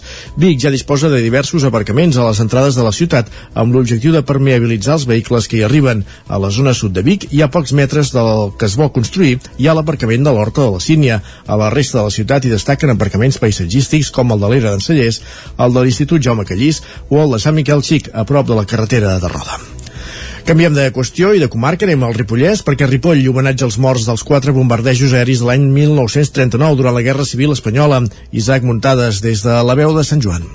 Després de dues mocions aprovades per l'alternativa per Ripoll CUP als anys 2016 i 2020, l'Ajuntament de Ripoll va fer un homenatge institucional a les víctimes dels bombardejos de la Guerra Civil al municipi aquest dissabte a la tarda. Precisament el 5 de febrer es commemorava el 83è aniversari de l'últim dels quatre bombardejos a la població civil perpetrats per l'aviació de l'exèrcit franquista. Els tres primers havien tingut lloc els dies 22, 23 i 25 de gener de 1939 i s'havien saldat sense víctimes. En canvi, aquell fatídic migdia de febrer les xifres oficials parlen de 14 morts, que podrien ser una cinquantena, segons apuntava l'historiador i membre de la Comissió Històrica de Ripoll, Adrià Brull, ja que la història oral apunta que es parla de morts al refugi que portaven soldats en una fossa sense identificar i que portaven més cadàvers al cementiri. Brull explicava quin era l'objectiu del bombardeig. Si mires els bancs militars, el que es busca és malmetre el material de guerra de l'enemic o destruir les vies de comunicació i impedir que l'enemic marxi o que marxi còmodament. Però clar, en realitat no hi ha cap banc militar que digui que el seu objectiu és matxacar la població i matar quanta més gent possible. Jo crec que l'exèrcit franquista, a part d'aquests objectius militars, també perseguia un objectiu emocional de tallar qualsevol cognat de possible resistència final. Els dos o tres primers bombardejos sí que es van centrar només en l'estació, van fer una sola passada, van deixar anar 10 o 15 bombes i van marxar. Aquest bombardeig del 5 de febrer van anar a buscar el pont, però és que passat el pont van tirar 30 bombes més en ple casc urbà, o sigui, anaven a fer mal, anaven a espantar. Curiosament, la via del tren que s'utilitzava per als republicans per portar material militar a França no va ser destruïda per les bombes franquistes, sinó pel gran aiguat que va haver-hi l'any 1940. En la visita guiada del recorregut, que va esgotar plaça ràpidament, Brull es va aturar al passeig Regull al costat del riu Freser. Era l'última parada de la visita guiada organitzada conjuntament pel Museu Etnogràfic i el Consistori. Allà van morir-hi algunes persones, ja que una bomba va caure sobre d'un camió militar que transportava trilita i que estava aparcat per anar a Can Persianes, un bordell de la zona. L'explosió va destruir l'entorn i l'edifici més proper. A més, els plataners de la banda de la carretera es van haver de plantar de nou i per això els que estan més a prop del riu són més amples. Al museu encara s'hi pot veure una llanta recargolada del camió de Trilita. Tot i això, com deia Brull, abans el bombardeig més letal es va produir al centre de la vila amb una trentena de projectils. El recorregut s'iniciava a la plaça de l'Ajuntament al costat del refugi antiaeri que s'està adequant per ser visitable i continuava per l'edifici de l'elèctrica on hi va caure una bomba. Després la visita es dirigia a la plaça de la Llibertat. Allà van morir-hi les tres víctimes civils registrades, els germans Puig i Roca de 13 i 9 anys respectivament i una dona del mateix edifici de 47 anys. A la plaça de Sant Eudal, Brull va mostrar una fotografia de l'època de l'edifici de la gestoria Monell, mig enderrocat, i el del Banc Santander, cremat. Finalment, a la plaça Gran, van caure-hi quatre bombes, un dels llocs on van impactar-n'hi més, i que va deixar-hi un bon cràter. Aquella època, Ripoll va incrementar molt la seva població a causa de la retirada. La retirada civil ja havia començat al gener. O sigui, ja feia tot el mes o, o dos mesos que no parava de passar gent a Ripoll i d'establir-se. Fins al punt que l'alcalde, a finals de gener, ja ha de fer un ban dient que ja no queden que viures a Ripoll i no queda lloc de, perquè la gent es refugi. Sí, sí, o sigui, el que era la carretera de Sant Joan cap a Camprodon era un, un passar de gent, de civils i inclús de soldats desmobilitzats. En aquests moments, el bàndol republicà ja estava en retirada i era conscient que ja havia perdut la guerra. El passant de la Candelera Perafita recuperava aquest cap de setmana la normalitat després que l'any passat s'hagués d'adaptar a la pandèmia. La festa va tornar amb molta participació de gent i carruatges. Perafita va recuperar amb total plenitud aquest diumenge la festa de la Candelera. La jornada va començar ben d'hora al pavelló amb un esmorzar dels participants de la cercavila, mentre que tots preparaven els carros, els que porten més feina pel passant. Ho explica Mercè Mujal, organitzadora del passant.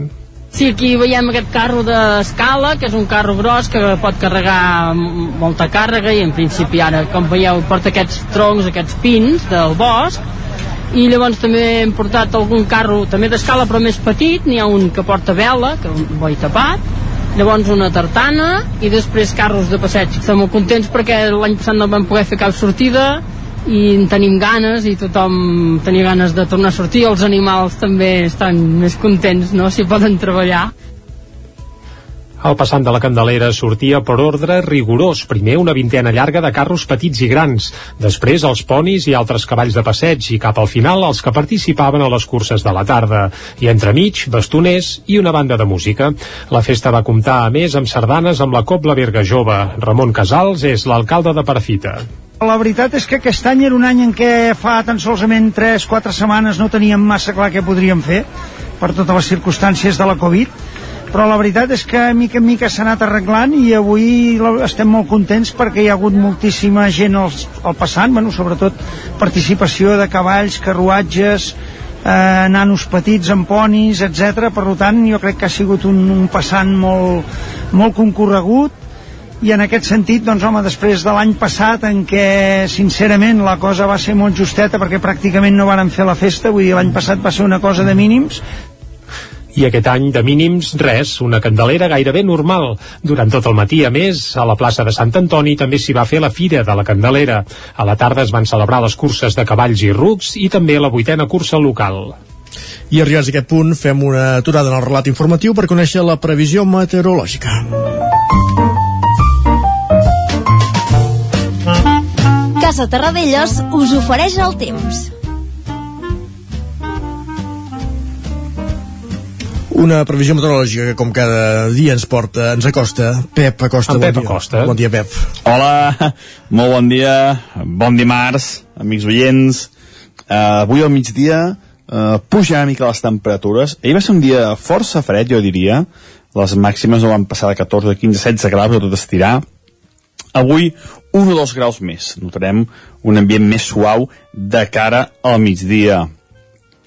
I és que el que és el que deia, no, no hi ha canvis, eh, poca pluja i molta, molta, molta tranquil·litat. Eh, aquest anticicló és tossut, és important, és eh, omnipresent i per tant de moment no, no canviarà el tema. Uh, és que no, no puc dir cap, uh, cap gran novetat, perquè és que no n'hi no haurà, eh? no, cap vent, vent molt febles, uh, algunes boires, poques boires. M'està sorprenent molt aquest hivern, això de les boires, sí que m'està sorprenent.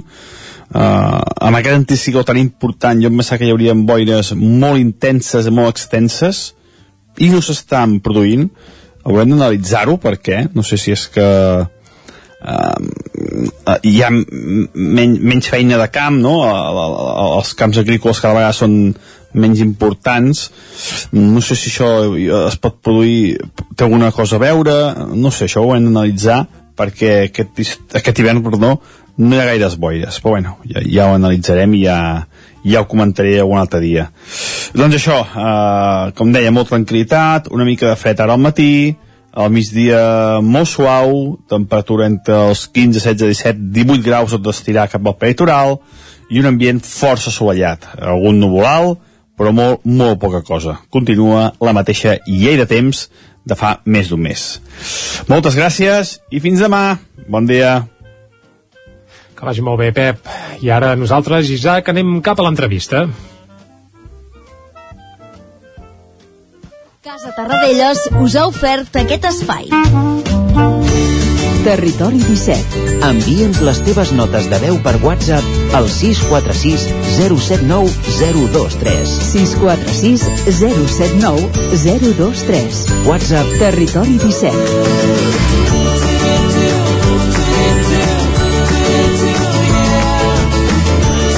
Territori 17.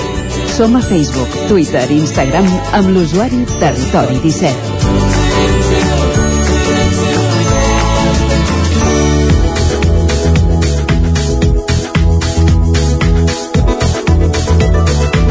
Dos minuts que passen d'un quart d'onze.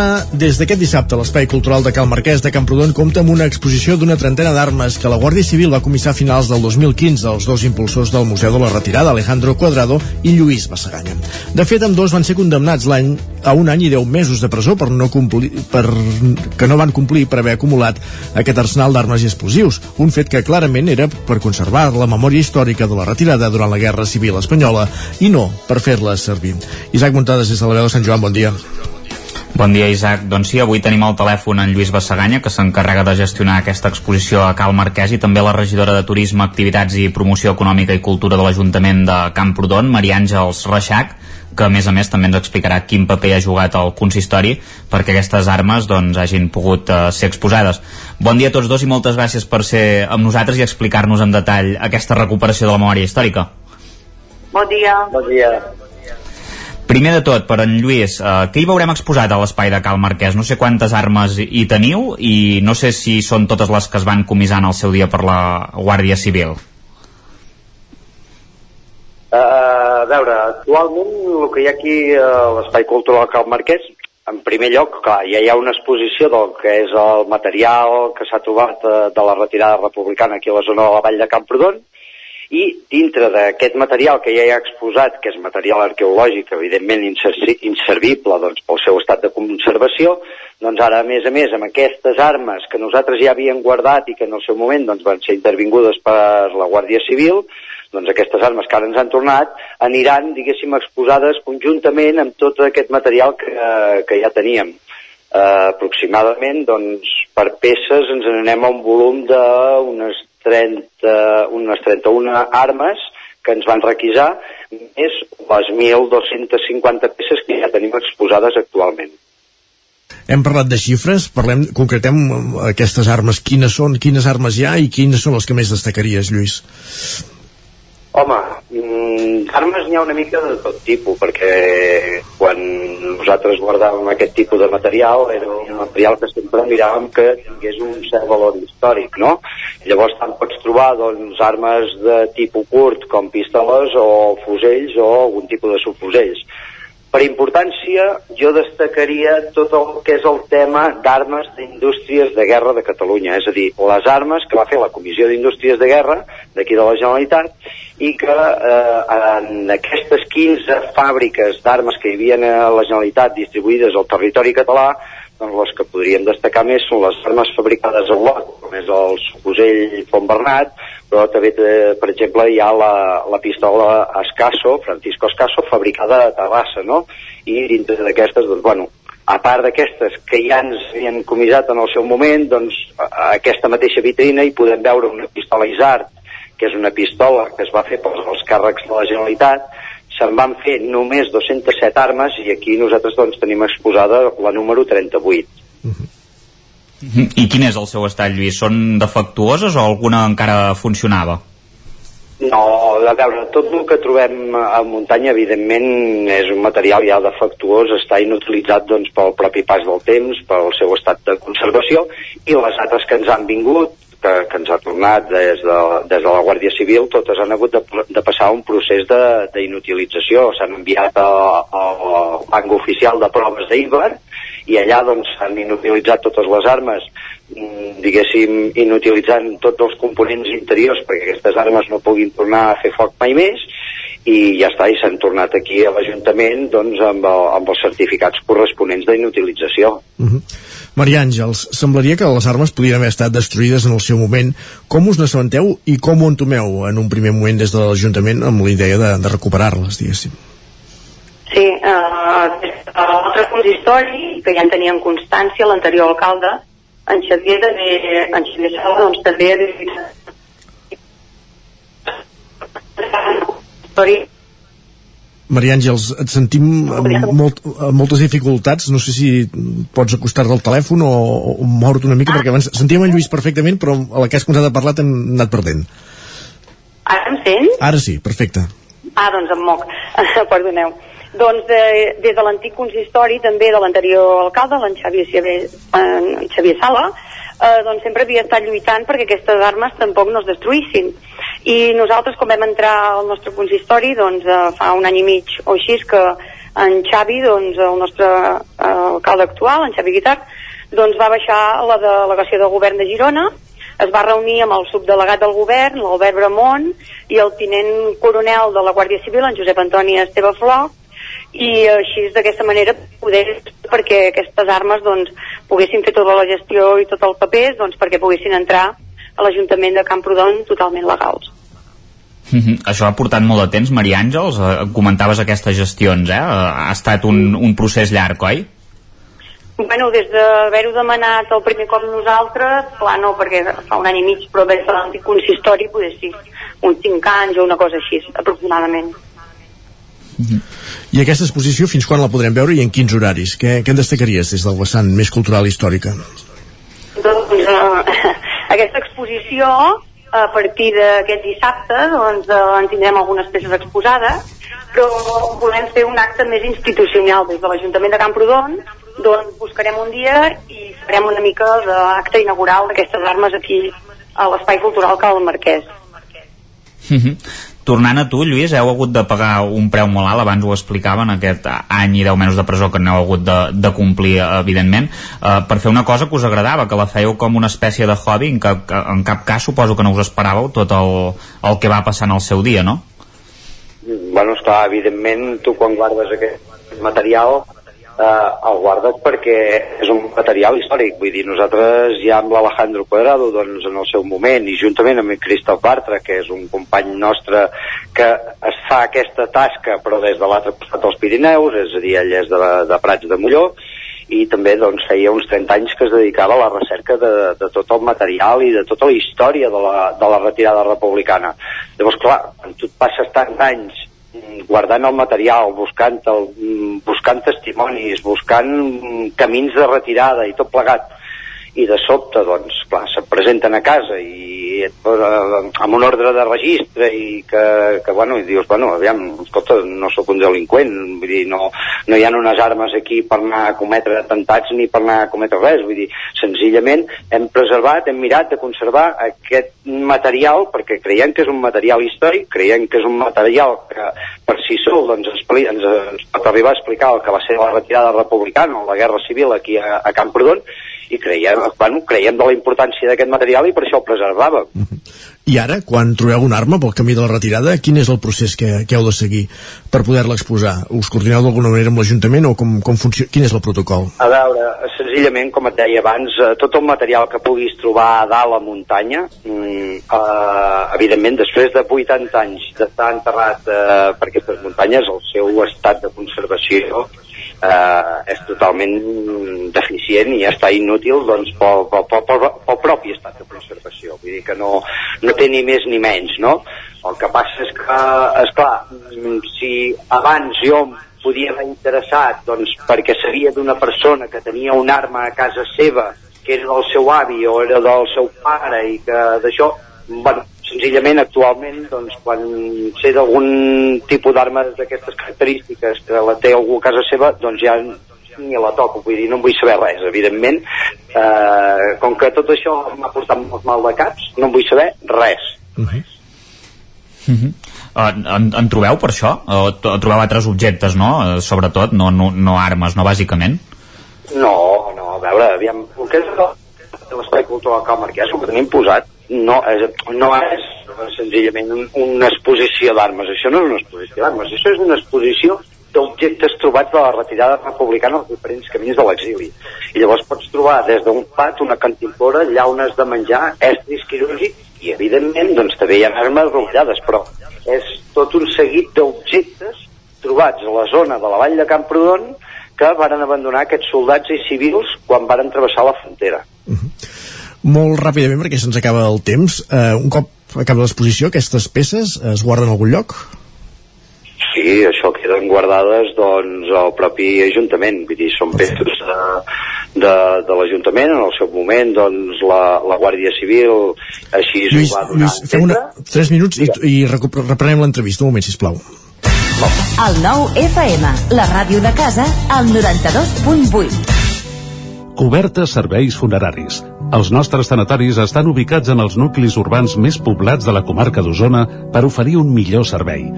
Tanatori de Vic, Tanatori de Manlleu, Tanatori de Centelles i Tanatori de Roda de Ter. Sabem que són moments difícils i per això el nostre compromís és atendre-us en tot moment amb un tracte humà, sensible i respectuós. Cobertes serveis funeraris. Telèfon 24 hores 93 883 23 46. A la rostisseria El Plat ens agrada la cuina de sempre, la de les àvies i de les mares, la cuina feta amb paciència com s'ha fet tota la vida. Vine a provar els nostres canelons gruixuts o els croquetons, les nostres croquetes de 80 grams i recupera el gust del pollastre a com els que es menjaven abans. Ah, i aprofita fins a finals de febrer 20% de descompte en els canelons i el pollastre. Rostisseria El Plat, encàrrecs fins a les 12 del migdia i servei a domicili. Ens trobaràs de dijous a diumenge al carrer Església número 6 de Taradell o al 93 135 58 85. Cefusol, centre de formació de soldadura GURB. Som especialistes en processos de soldadura.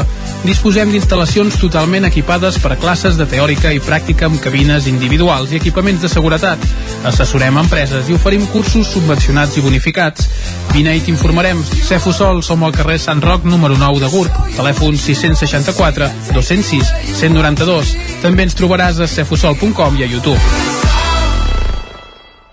Gràfics el seu proveïdor global en rotulació i impressió digital. Oferim servei de disseny, producció i instal·lació de qualsevol projecte en rotulació industrial i comercial. Rètols corporis, senyalització preventiva, senyalització viària, senyalització interior de naus, vinils decoratius per a oficines i establiments comercials, rotulació de vehicles... Confia en els serveis que li pot oferir Gràfics Ens trobarà al carrer Lleida 39 de Vic o a gràficser.com. Cocodril Club. Si t'agrada la bona música dels anys 60, 70 i 80, escolta el 9 FM als matins de dissabtes i diumenges d'11 a 1. És el temps del Cocodril Club, tot un clàssic de la ràdio, amb les bases del pop-rock, les llegendes, les cançons que s'han convertit en autèntics himnes. Recorda, dissabtes i diumenges al matí, d'11 a 1, al 9 FM 92.8. Cocodril Club, el programa revival de l'Albert Malla. Hasta luego. Anuncia't al 9FM. La màquina de casa. 9 3 8 8 9 4 9 4 9. Publicitat arroba al 9FM.cat. Anuncia't al 9FM. La publicitat més eficaç. El 9FM, el 9FM, el 9FM, el 9FM. En punt dos quarts d'onze. I just abans de la pausa al Territori 17 estàvem fent aquesta entrevista amb Lluís Bassaganya i Maria Àngels Reixac per parlar d'aquesta exposició d'elements d'objectes de, de la retirada que es pot veure des d'aquest dissabte a Camprodon. Eh, una entrevista que feia en companyia de l'Isaac Montades ben retrobat de nou Isaac i també, com dèiem, eh, amb en Lluís estàvem parlant de un cop acabi l'exposició on què se'n farà d'aquestes peces on quedaran preservades entre les quals doncs, hi ha aquest contingent d'armes que evidentment estan eh, que, que evidentment són de fa més de 80 anys i que el seu estat de conservació és el que és. Lluís, com dèiem, doncs, què se'n farà d'aquestes armes un cop acabi l'exposició? Bé, aquestes armes eh, ara s'ha demanat un permís per, per tenir-les exposades doncs, durant tres mesos i, i bueno, uh, segurament això, bueno, segurament no, en principi doncs això acabem a finals del mes de, de març i després doncs, quedaran dipositades al propi Ajuntament de, de Camprodon i, bueno, i per futures exposicions temporals que podrem tornar a servir per tornar-la a poder mostrar al públic. Per acabar, Maria Àngels, eh, és molt important la dinamització de l'espai de, de Cal Marquès, sobretot ara doncs, amb aquesta exposició de, de la retirada. Eh, important fer això.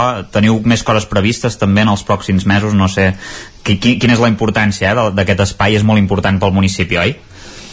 Home, nosaltres sí, des de l'Ajuntament de Camprodon, primer de tot, doncs, eh, també estem molt contents, no? Perquè gràcies també a la perseverança de l'Alejandro i en Lluís, que són els que van tenir la inquietud de documentar doncs, tot el pas de la retirada, que forma part de la nostra història, de tots els camprodonins i camprodonines, i això doncs, quedarà com a, com a un, es, quedaran exposades aquí a l'Espai Cultural Cal Marquès, com ha dit en Lluís, eh, quin millor lloc que al costat tot el material de la retirada, a més a més també hi tenim de dinamització cultural en Lluís mateix, que vull dir que és l'expert en tot això i de veritat doncs convidar-vos a veure-ho que a part d'armes hi ha moltes més coses interessants i a més a més a l'Espai Cultural Cal Marquès eh, també tenim exposicions temporals Perfecte, doncs Lluís, Maria Àngels, gràcies per ser avui amb nosaltres al Territori 17 i compartir aquesta, aquesta estona explicant-nos doncs, aquesta exposició, com dèiem, de tot de material, no només armes, relacionats amb la, amb la retirada a Camprodon. Gràcies per ser avui amb nosaltres. Bon dia. Molt bé. Gràcies. Gràcies, Isaac. Parlem d'aquí una estona també a la taula de redacció. Fins després. La taula de redacció serà, com sempre, però després de fer un repàs al món de Twitter. Per això ja tenim a punt en Guillem Sánchez.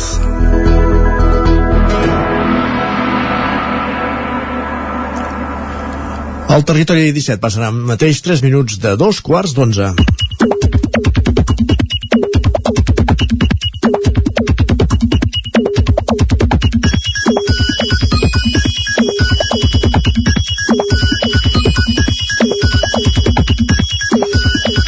Jordi i Guillem, continuem al territori 17, ens endinsem al món del Twitter. En Jordi Exacte, avui amb 3 minuts de retard, però en Guillem el tenim puntual aquí, eh? I tant, i tant, hi som ja, estem, estem col·locats. Molt bé, doncs què ens expliques, va, Guillem? ens parlaràs avui, Guillem? Per on comencem? Doncs va, comencem per una reflexió de l'Eric, que no sé si compartiu vosaltres dos, que ens diu els dimarts són més feixucs que els dilluns, excepte opinions ja. contràries, però no les comparteixo. Bon dia. Així comencem. No sé què, què en penseu vosaltres. Depèn del dilluns, depèn del dimarts i depèn del dijous fins i tot. ens ho hem d'agafar bé, tots els dies uh, tenen coses positives home. Va, en Pau ens acosta noves expressions populars que potser seran utilitzades d'aquí a un temps. Ens diu, farà gràcia quan d'aquí a 60 anys expliqui als meus nets que a la meva època hi havia una dita que deia no test, no Covid Bé. Bé. Molt bé. Llavors l'Eloi també ens escriu va, el meu germà té Covid, ar, diu ara sí, si esquivo la malaltia un altre cop em declaro immortal i mentrestant en Pol ens diu avui al matí que s'han recordat tard d'una cosa, ens comenta oh que guai, avui arribo a l'hora a classe diu, es deixa la mascareta al pis em sembla que n'havíem parlat també algun cop de deixar-nos ja aquest element que a partir de dijous, si no recordo malament ja no serà obligatori a l'aire lliure no serà obligatori però en interiors sí, per tant cal dur-la sobre encara sempre. Llavors el que, això, això també ens ho comparteixen per xarxes? He de reconèixer que m'ha passat això que ens escriuen. Ens diu m'he passat dos minuts buscant una mascareta que duia sota de la barbeta. Això em sembla que a tothom alguna hora o altra li ha passat, és un, és un clàssic Uh, qui s'ha donat que potser no és tan jove i s'ha fet una mica més gran aquesta setmana és en Miquel, diu, ens ho comparteix el següent comentari, ens diu, un dia ets jove i l'endemà vas cridant com un boig per casa. Tots els llums encesos? No sé si teniu mania vosaltres de deixar molts llums encesos o d'apagar-ho tot quan sortiu de les habitacions però home, demanar que s'apaguin els llums no és un sinònim de ser una persona gran, és sinònim de ser una persona estalviadora i compromesa precisament amb l'estalvi energètic. Ara sí, sí. en parlarem d'aquí una estona amb en Gil Salvans però jo, jo cert que ho associo uh, al meu avi no eh? jo, jo m'ho aplico, però ho associo al meu avi això, però vaja, sí, sí de fet la Júlia li, li respon diu uh, acompanyat de què passa, que som milionaris? I jo aquesta frase l'he sentit a casa també eh? Uh, vull dir que uh, tots, tots hi acabem caient sí. lligat amb el preu de la llum ahir dilluns coneixíem aquesta notícia a través de diversos mitjans diu multa de 600.000 euros endesa per donar tard la lectura dels comptadors de la llum i la reacció a través de Twitter doncs no s'ha fet esperar uh, què diríeu que va respondre la gent? Uh, Bé, uh, de tot, suposo abans tot, tot tipus d'improperis contra Endesa no? alguns usuaris ens diuen ho acabarem pagant tots nosaltres amb un increment a les nostres factures una L'Albert ens diu, això és com si em multen amb un cèntim per anar a 200 km per l'autopista, dues, o en Sergi que ens diu la típica multa que pagues amb els ulls tancats, tres, i d'aquestes en podríem llegir 350.000. Va, entrem al capítol de situacions de la vida quotidiana que no desitgem a ningú. En Jordi ens posa el dia amb el següent missatge. Ens diu, la setmana passada algú em va destrossar el retrovisor del cotxe quan estava aparcat i al taller m'han cobrat 245 euros per un retrovisor nou que podia haver comprat jo per internet per 70, més d'un 400% de marge. Ara mateix no sé amb qui he d'estar més emprenyat. El que el vaig xafar. Sí? Perfecte. Sí. No, doncs Bé, no, si, si estàs espavilat... El taller te'l posen, te l'instal·len ells. Sí, si estàs espavilat, instal·la te'l també, clar. Sí, sí. Voldríem una foto, no?, d'aquest retrovisor, a veure si se l'instal·la ell com, com li podia haver quedat. Correcte. Va, per acabar, recordem, entre tots s'ha de fomentar l'ús del català, que si no passen aquestes coses, l'Ester ens diu a l'hora d'esmorzar la noia de la cafeteria que m'ha atès en català s'ha adreçat en castellà a l'adolescent xinesa que venia darrere meu que li ha respost en un garrotxí de manual quan entenguem que estem excloent en comptes d'acollir ja no hi serem a temps. Doncs va, fomentar el garrotxí hem parlat el... de vegades aquí i hem de deixar d'estar complexats amb aquests temes perquè sens dubte. és un mal endèmic. Perquè si no espera el garrotxí, el biguetà i tots els idiomes que, que hi ha arreu de Catalunya moltes gràcies, Guillem. Que vagi bé. Llarga vida al Garrotxí. Mercès, Guillem. Isaac, Jordi, fem ara un cop d'ull a les portades del 99.cat. Exacte.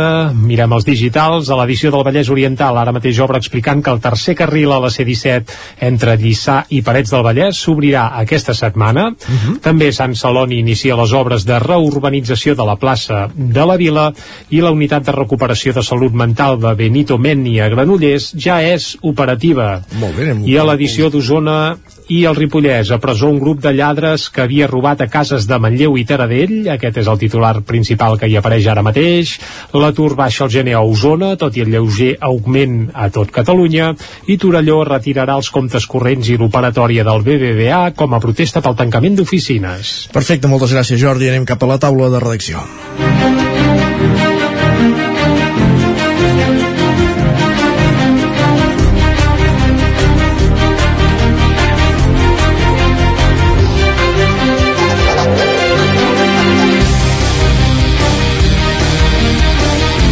I a la taula de redacció avui ens acompanyen Guillem Freixa i Isaac Muntades. Guillem, bon dia.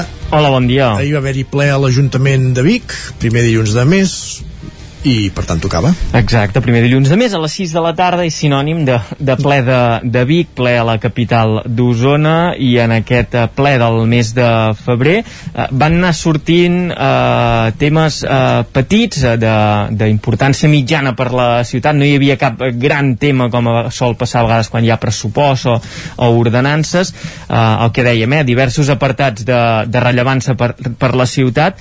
Un de, de, de recurrent que es va repetint en el temps, com és la subhasta de Casa Moreta, un edifici declarat eh, bé cultural d'interès local, situat al mig del carrer Sant Miquel de Vic, eh, en el centre històric de la ciutat. Uh -huh. Aquesta eh, casa és propietat municipal, eh, l'Ajuntament de Vic la va posar a subhasta per primera vegada el 2013, el preu que es va treure a subhasta va ser d'uns 900.000 euros, va quedar deserta, no hi va haver eh, comprador, es va tornar a intentar vendre el 2019, va tornar a sortir a subhasta per un import de 677.000 euros i també va quedar deserta i ara hi ha hagut una tercera subhasta, un tercer intent de trobar comprador en aquest equipament que l'Ajuntament de Vic doncs ara mateix no, no hi destina a, a res i s'estimen més vendre's aquest patrimoni per destinar a desplegar el, el POU de Vic i les diverses actuacions que s'hi contemplen.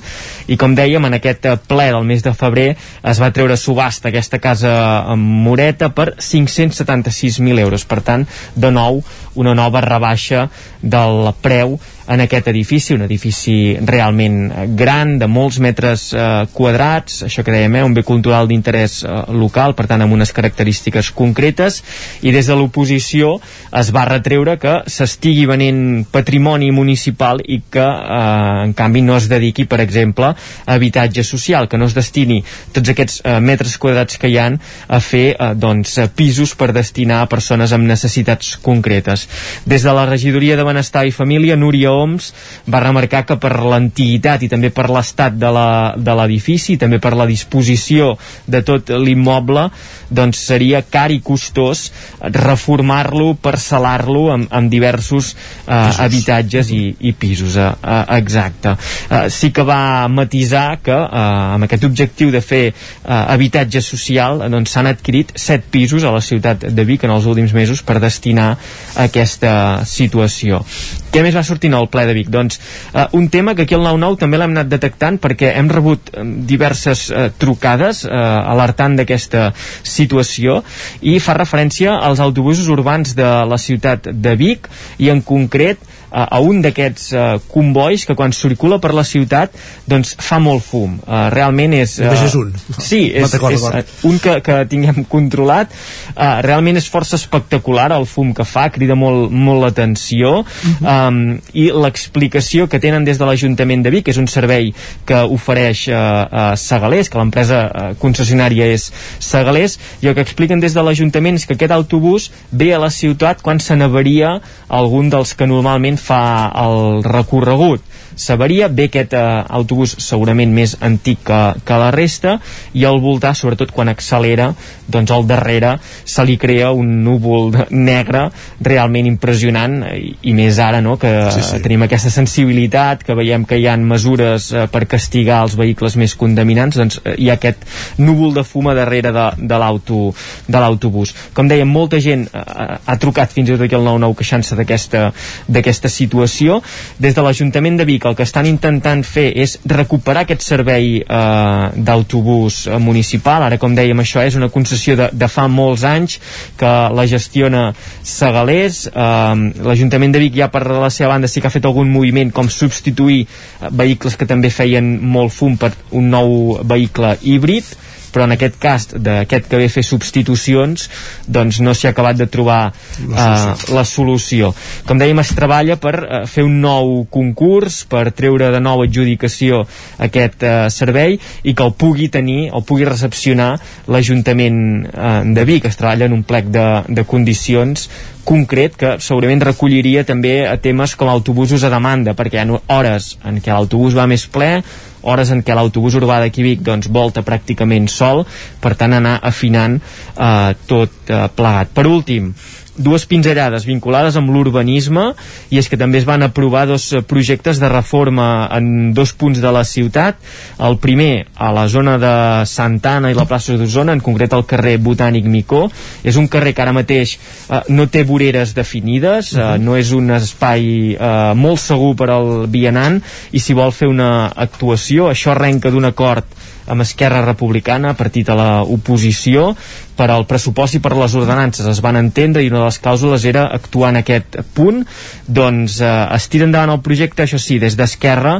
Un cop vist l'import que s'hi dedica i també les actuacions que fa doncs han quedat una mica decebuts perquè no serà una reforma integral com ells eh, es, es pensaven o, o esperaven i, i desitjaven. I ara sí per últim també eh, projecte de reforma al carrer de la Fusina a la zona de l'Eixample Morató, s'està reformant tota l'Eixample Morató des de uh, fa uns anys i al carrer de la Fugina doncs, també s'hi farà aquesta reforma. Això és el que ens va deixar el ple de Vic i per acabar uh, una moció, una moció per demanar que el servei a l'atenció al trànsit, al col·lectiu de persones uh, trans de la comarca d'Osona, doncs es pugui oferir uh, sempre des d'algun cap o des d'algun ambulatori de la ciutat de Vic. Aquesta moció que es va aprovar per unanimitat. Perfecte, doncs moltes gràcies Guillem per fer-nos aquest repàs al que va ser ahir el ple de l'Ajuntament de Vic.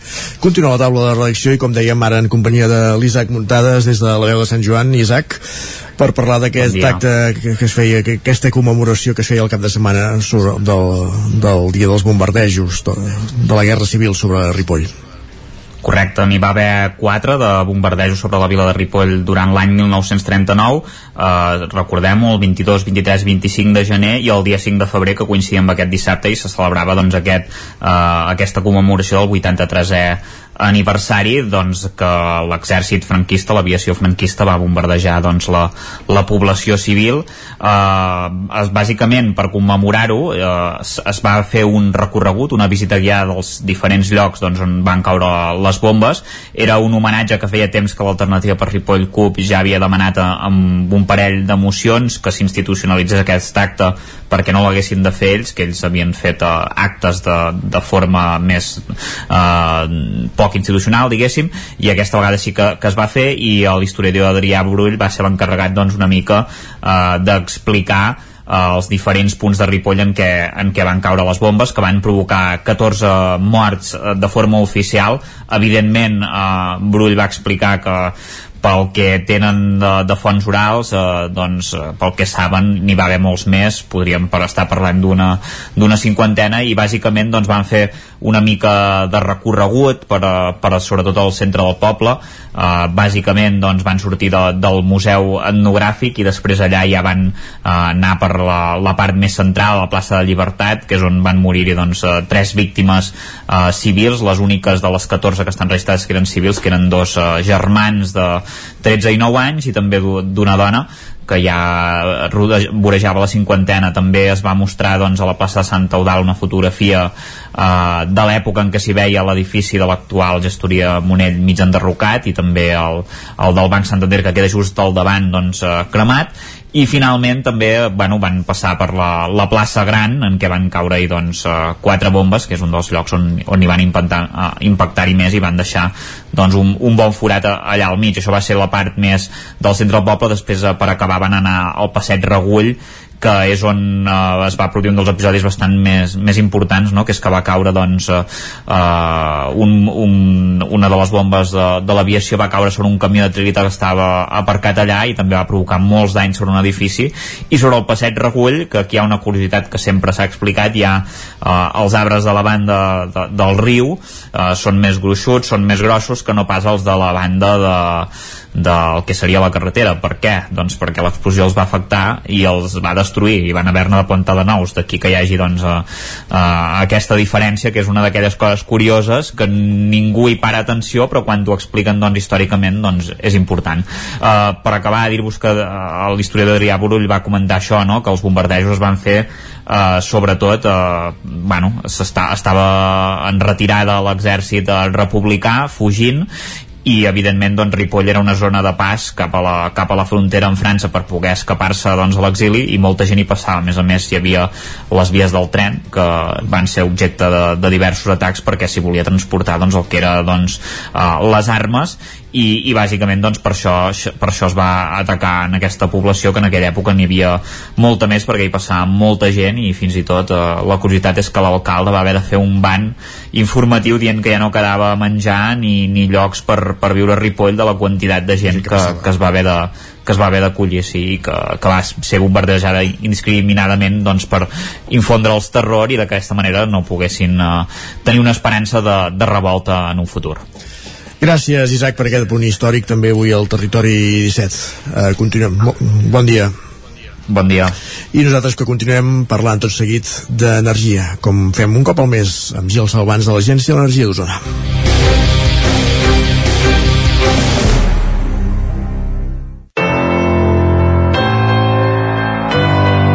Territori, Territori 17. 17. Territori 17.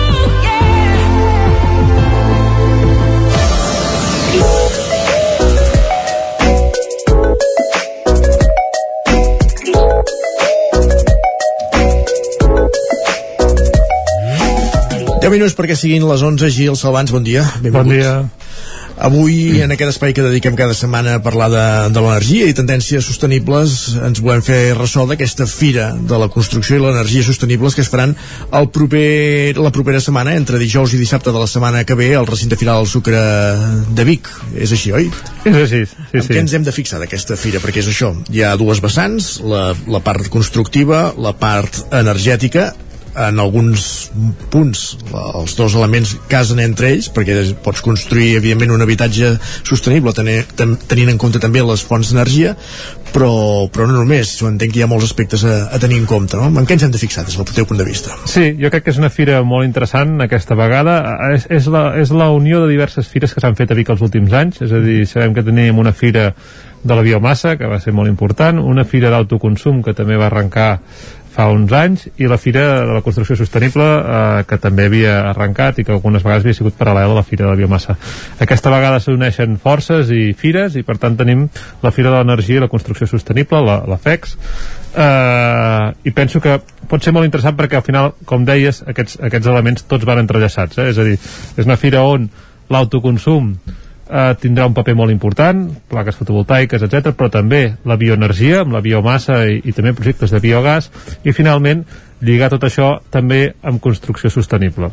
Jo crec que són tres elements claus per la transició energètica, transició que hem parlat moltes vegades que cal impulsar i que estem començant a caminar a Catalunya i que la setmana passada eh, es presentava, la consellera presentava eh, la projecció de Catalunya fins l'any 2050 i quedava clar que hi ha d'haver un canvi molt i molt important i crec que aquests tres elements eh, o tots els elements que pengen d'aquests tres elements eh, que estaran a la fira seran claus eh, a l'hora d'impulsar aquesta transició energètica. I per tant crec que és un esdeveniment molt important, important a nivell de país, a nivell de Catalunya, vull dir que és, és aquí la comarca, però crec que eh, hi haurà gent de tot el territori, ja que són tres elements que ara estan al dia a dia de, de molts projectes, i penso que animar a tothom a participar-hi, a passar-hi, és una fira gratuïta, que cal inscripció via online i, i només amb l'acreditació amb el mòbil pots entrar, i per tant animar tothom a donar-hi un vol a veure què s'està fent, a veure què està passant i crec que pot ser molt interessant a l'hora de fer un canvi a la comarca i, i al país. Mm -hmm. Sovint associem aquest tipus d'inversions quan hem de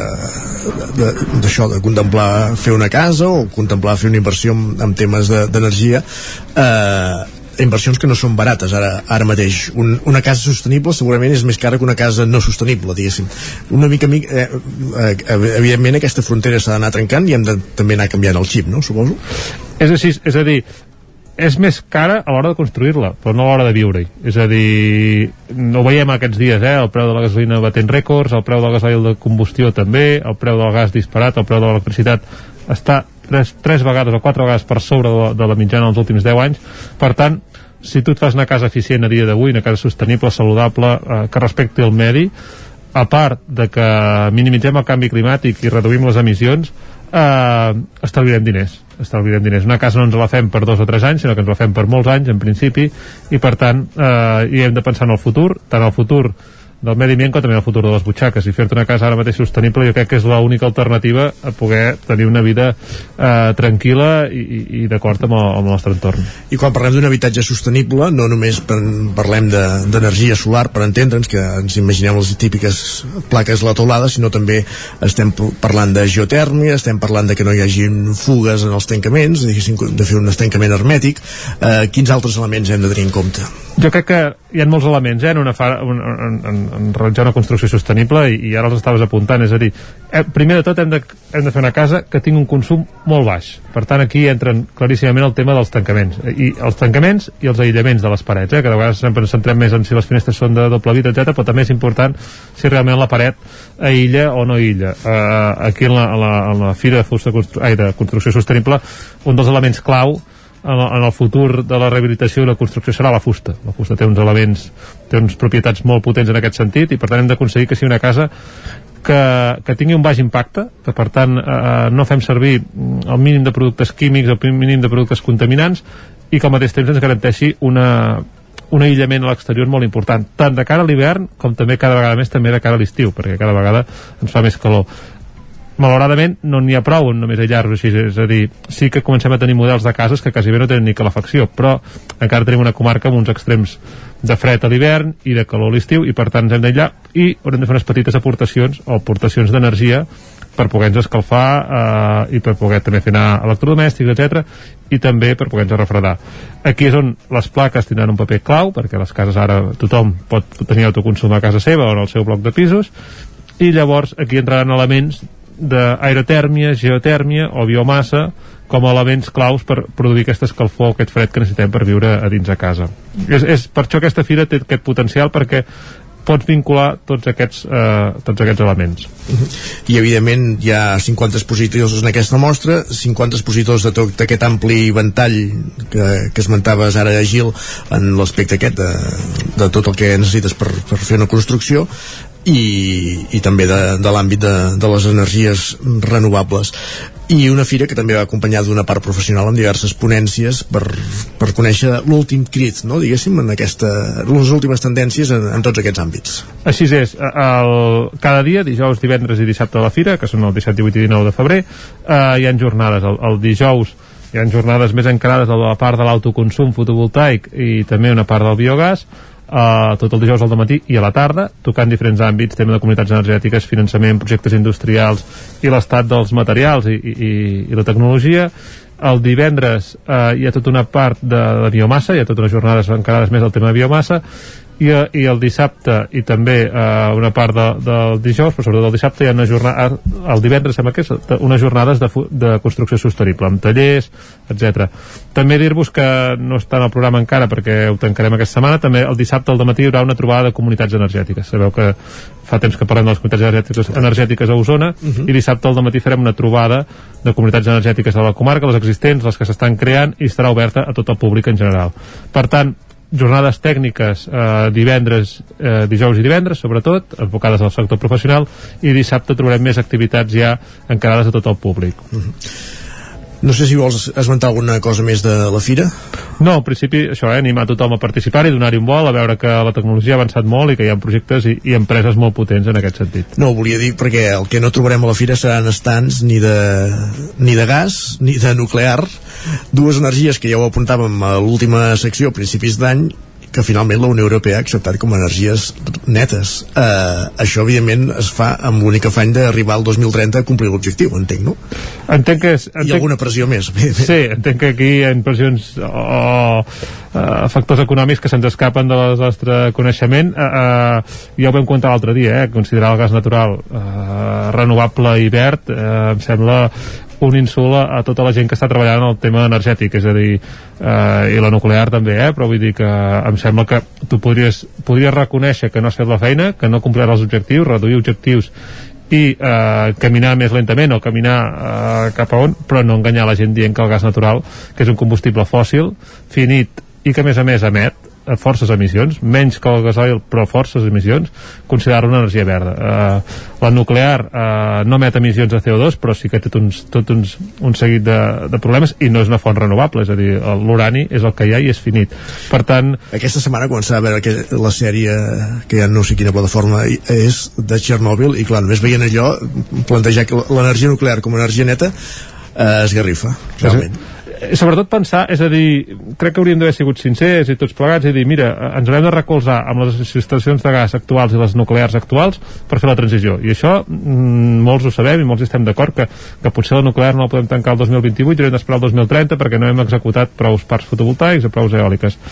Però plantejar eh, que es pugui invertir fons de recuperació de, de, del Covid, etc amb aquestes dues energies crec que és un, un, un pas enrere amb tota la feina que s'ha fet fins ara en tota la tecnologia que hi ha avançada uh -huh. uh, jo era optimista eh, l'última vegada, pensava que no acabaria passant ha passat, uh, però de totes maneres mm, jo les meves presentacions de moment a dia d'avui en els meus treballs segueixo obviant que aquestes energies per mi no són renovables i no són netes ni, ni de bon tros No, no, de fet hem d'anar caminant cap a això, cap a energies realment renovables i, i, aquest, i per aquí ha de passar el futur del país. Catalunya va enrere, ens ho van recordant cada dia, però comença a fer-se feina, no? Sí, sí, sí, jo crec que, que la setmana passada es va plantejar la perspectiva de Catalunya, es comença a veure que la necessitat de, de fer parcs importants i, i d'avançar, l'autoconsum està disparat, eh, les subvencions que han sortit hi ha hagut més demanda, més del doble de demanda del pressupost existent, per tant hi ha ganes, ja, ja s'està fent molta feina eh, i s'ha de fer un dels elements claus i que per mi també descarta les dues energies que parlàvem ara és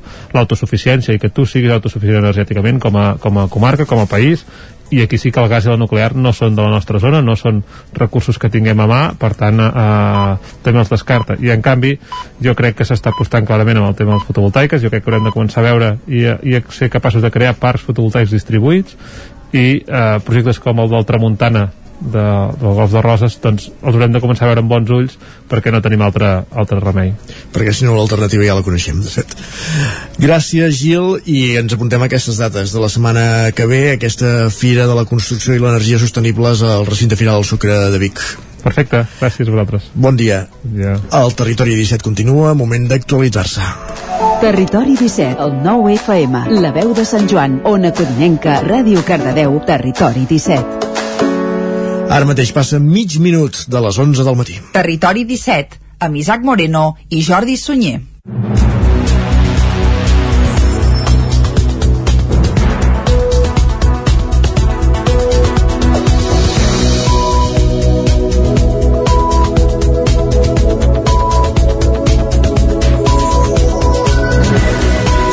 I aquesta hora és moment d'actualitzar-nos al territori 17 amb les notícies més destacades de les nostres comarques. El CAP de Sant Feliu de Codines reobrirà aquest mes de març a tot tardar, que era el campàs des d'Ona Codinenca. El nou centre de salut de Sant Feliu, situat al costat del centre cívic i que portarà el nom de CAP Doctor de los Pinos, s'inaugurarà aquest mes de març. Així ho va confirmar el conseller Josep Maria Argimon aquest divendres durant la visita que va fer al nou CAP. D'aquí unes setmanes ja podrem estar a dintre ja visitant, ara vostè mateixa ho pot veure aquí mateix, no? com estan ja tot el mobiliari, s'està l'equipament i per tant d'aquí a poques setmanes el podrem obrir. I també penso que podrem, la ciutadania podrà gaudir d'un espai que és francament maco i que supera molt que teníem. Des dels grups de l'oposició que també van assistir a aquesta visita d'obres es queixaven que no haguessin estat convidats. El nou CAP s'hauria d'haver inaugurat fa molts mesos, però la Covid ha retardat fins ara la seva inauguració. El nou edifici comptarà amb una entrada paral·lela amb sales aïllades per tal de gestionar millor situacions com la que s'han viscut amb el coronavirus. Gràcies, Caral. En parlàvem fa un moment amb en Gil Salvans. Vic es convertirà en l'epicentre de la construcció i l'energia sostenibles de Catalunya entre els dies dies 17 i 19 de febrer amb la primera edició d'una fira que recull l'estela d'altres certàmens que s'havien celebrat a la ciutat en aquest àmbit. Hi haurà més d'una cinquantena d'expositors i la fira serà totalment presencial, tot i que caldrà inscriure's a les activitats i tallers. Vic serà la seu els propers dies 17, 18 i 19 de febrer de la primera Fira de l'Energia i la Construcció Sostenible. El recinte firal del Sucre acollirà aquesta nova proposta que aglutina algunes fires com la de la fusta constructiva o la de la biomassa de Catalunya, que ja s'havien celebrat a la ciutat anys enrere. Escoltem per aquest ordre a Titi Roca, regidor de Fires i Mercats de l'Ajuntament de Vic, i Anna Sanitges, directora general d'Ecosistemes de la Generalitat. L'únic que busquem és buscar sinergies entre tots els agents que treballaven en aquestes fires i fer una gran fira que sigui referent no? a Vic, però sobretot també al nostre país, perquè sigui una fira referent amb, amb la salut, amb un dels aspectes que nosaltres com a ciutat portem en el nostre programa, que és la, una ciutat saludable, per tant per un país millor, per un país amb una economia circular. Una fira que també dona resposta a una de les principals necessitats del país i de la societat, eh, que és fer front a l'emergència climàtica una fira que potenciant les renovables d'una banda ens ajuda a reduir aquestes emissions de CO2 eh, i assolir els objectius que tenim com a país. La fira vol ser un punt de trobada del teixit empresarial dels sectors vinculats amb la producció d'energia sostenible i la bioconstrucció. Alhora estarà obert al públic en general i comptarà amb més d'una cinquantena d'expositors i també un espai destinat a tallers, jornades tècniques o activitats complementàries. L'Ajuntament de Vic vol que la fira tingui continuïtat i que en els propers anys creixi amb la presència d'expositors d'altres països. Titi Roca hi ha alguna, alguna empresa que sí que hi ha de fora, però majoritàriament són gent de comarca i Catalunya, diguéssim, que, que venen a, a exposar. Però creiem que en un futur eh, tenim intenció no, de que això es pugui internacionalitzar i sobretot també pel país veí, que si volen venir eh, benvinguts seran a la, a la fira. La fira serà completament presencial, però caldrà inscriure's a les activitats previstes. Ja es volia celebrar durant el 2021, però la pandèmia ho va fer impossible. La comunitat educativa de l'Esquirol va reclamar divendres la creació d'un institut escola al poble, un projecte iniciat ara fa 3 anys que ja havia rebut el vistiplau del Departament d'Educació i que fa uns dies, en un gir de guió inesperat, va quedar en stand-by. Estem preparats. Aquest és el lema que podia llegir-se a les pancartes que van exhibir divendres els alumnes de sisè de primària de l'escola El Cabrerès de l'Esquirol. Va ser el berenar reivindicatiu que la comunitat educativa del poble va fer a la Pollancreda per reclamar la posada en marxa de l'Institut Escola, un projecte iniciat ara fa 3 anys que inicialment havia de ser una realitat al curs que ve. La setmana passada, però, el Departament d'Educació els va comunicar que de moment no tirarà endavant. Roger Vila és membre de l'Associació de Famílies d'Alumnes de l'Esquirol la notícia va caure molt malament, va ser un gerro d'aigua freda, i, bueno, i ara el que estem és expectants de dir, bueno, i què fem? És que no sabem ni cap on tirar, no sabem ni si els nanos dir-los aneu a un lloc o aneu a un altre, no sabem ben bé què dir, i per això necessitem que l'administració concreti, es comprometi, ens signis que realment tindrem l'institut i quan el, el podem tenir, i nosaltres el missatge que volem llançar és que estem preparats, que ho tenim tot a punt. A més a més, Aquí a la comunitat de l'Esquirol tenim un avantatge, que és que les tres potes sobre les que sustenta la comunitat educativa, que és Ajuntament, eh, Centre d'Educació i, i les famílies, anem tots a la una. És a dir, tenim una comunió molt gran Pendent de nous moviments, divendres l'alcalde de l'Esquirol, Àlex Muntanyà, avançava que el que l'escola pot obrir el curs 2023-2024.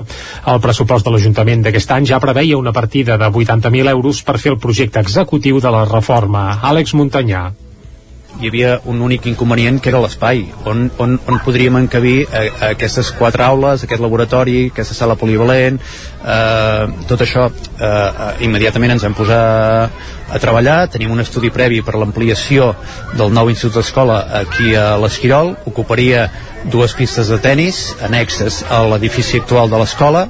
L'escola eh, aquest 2024 farà 50 anys.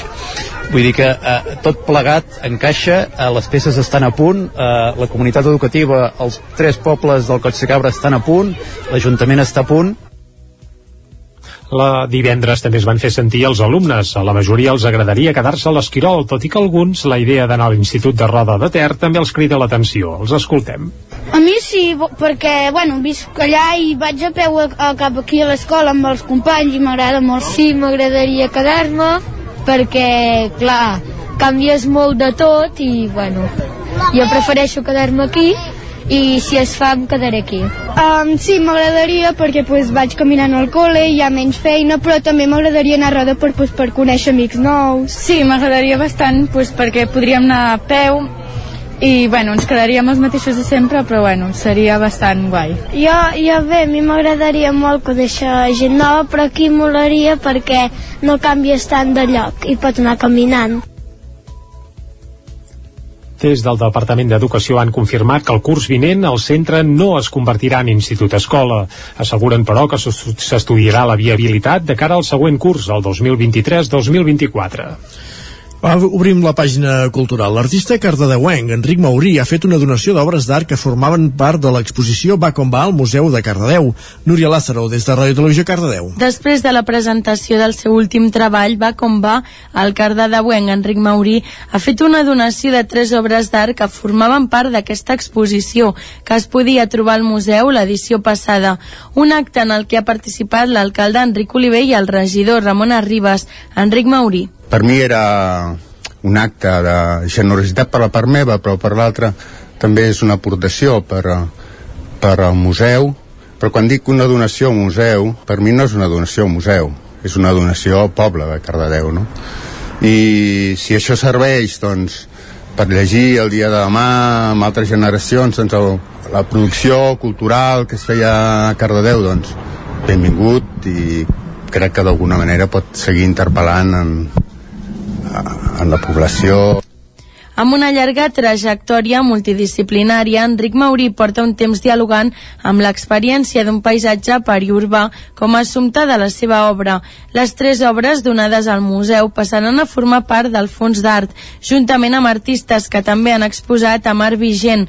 Les obres són Tirada al fil, que es tracta d'una fotografia, La manifestació dels arbres, tres obres a llapis sobre paper i un mini Enric fent d'arbre que es tracta d'una figura amb la cara de l'Enric. Aquestes tres obres que he escollit per a la donació formen part de l'exposició, del projecte, i són tres peces que marquen diguem, unes directrius que alhora són com una síntesis de l'exposició. No? L'art de l'Enric no es manifesta per la bellesa, sinó que el seu objectiu és fer raonar. Tot i així, ell està sorprès per la bona acollida que han tingut les seves obres al poble després de tants anys fora. L'escriptora, filòloga i guionista de Cantoni Gros, Blanca Busquets, publica Constel·lacions, la seva onzena novel·la i la més personal de la mà de l'editorial Proa. El llibre arrenca en una casa de Collserola on es prepara la celebració dels 100 anys de l'avi Cinto, un home silenciós que té la passió d'observar les estrelles i de buscar-hi connexions invisibles. Darrere, però, hi ha la història d'en Quim, el pare de l'autora, que va anar fins al País Basc per treballar i que en va marxar sense donar gaires explicacions per estalviar a la família les amenaces cada cop més explícites d'ETA. Busquets va parlar del llibre al programa Quatre Paraules del Nou TV. La història forta, sí, efectivament, era la d'en Cinto, la de l'avi. Era eh, la història d'un senyor que va anar a la guerra civil amb la lleva del Biberó, que va ser molt bèstia. Molt. I concretament a la batalla del Segre. I em van dir, si algú diu alguna cosa pel carrer, eh, arrenca a córrer. I si algú vol que posés un cotxe, arrenca a córrer. I la meva mare sempre deia que va haver-hi uns mesos que no entrava ni un duro a casa. I, i bé, mm, bé, llavors fins que va passar eh, molt de temps eh, de fet tant de temps que va ser això fa 3 anys em sembla o 4 que li vaig regalar com el, el pàtria d'Aramburu al meu pare perquè vaig, eh, vaig veure que tenia a veure amb tot aquell ambient que ell havia passat. Li vaig dir, què, què t'ha semblat? és brutal, eh, el llibre i tal, i no sé què. I el primer que em diu és eh, llegint aquest llibre he descobert que em quedaven sis mesos de vida Constel·lacions és l'onzena novel·la ja de Busquets i l'ha publicat l'editorial Proa. I després d'un any d'absència per culpa de la pandèmia torna al cau de bruixes de Centelles i ho faran les seves dates habituals 15 dies abans del Carnaval oficial. La festa, que converteix Centelles en la capital esotèrica de Catalunya, comença avui i s'allargarà fins al diumenge 13 de febrer. Aquest any tocaria celebrar les noces d'argent del Cau de Bruixes, però la 25a edició arribarà l'any vinent, ja que el 2021 el cau es va suspendre per la Covid. Aquest any la festa també va perillar, però al final s'ha pogut tirar endavant en les dates habituals, 15 dies abans dels grans carnavals. Ho explica Josep Paré, alcalde de Centelles. Enguany, evidentment, amb totes les mesures i els condicionants amb els que estem, doncs s'ha plantejat mantenir el Cau de Bruixes amb la data que estava prevista i, per tant, des del dia 8 fins al 13 de febrer hi haurà les diferents activitats del cau de bruixes agafant la màxima esplendor d'aquestes al llarg del cap de setmana del, del 12 i 13 amb l'objectiu que Centelles torni a ser aquest, aquest referent doncs, que representa el, el cau de bruixes pel municipi en, pel conjunt de la comarca i m'atreviria a dir pel, pel conjunt del país pel que fa a les activitats, el cau de bruixes torna amb els ingredients habituals amb algun retoc per adaptar-se a les restriccions derivades de la pandèmia. Avui mateix a la tarda comencen els actes amb hora del conte especial que es farà a la Biblioteca de la Cooperativa, tot i que el dia central serà el dissabte dia 12. Al matí s'inaugurarà el mercat esotèric i de productes naturals i durant tot el dia hi haurà conferències, música, tallers i a la nit arribarà el moment més esperat, la proclamació de la bruixa de l'any, honor que recau en una, don en una dona de Centelles en reconeixement a la seva tasca cultural, social o associativa. L'última, l'any 2020, va ser Sílvia Roca. Tot i que la festa recupera la seva essència, des de Centelles també tenen clar que encara no serà una edició del tot convencional. Josep Paré. Segueix havent-hi un, un virus que està provocant doncs, una situació anòmala i per tant doncs, no, no preveiem les aglomeracions d'anys anteriors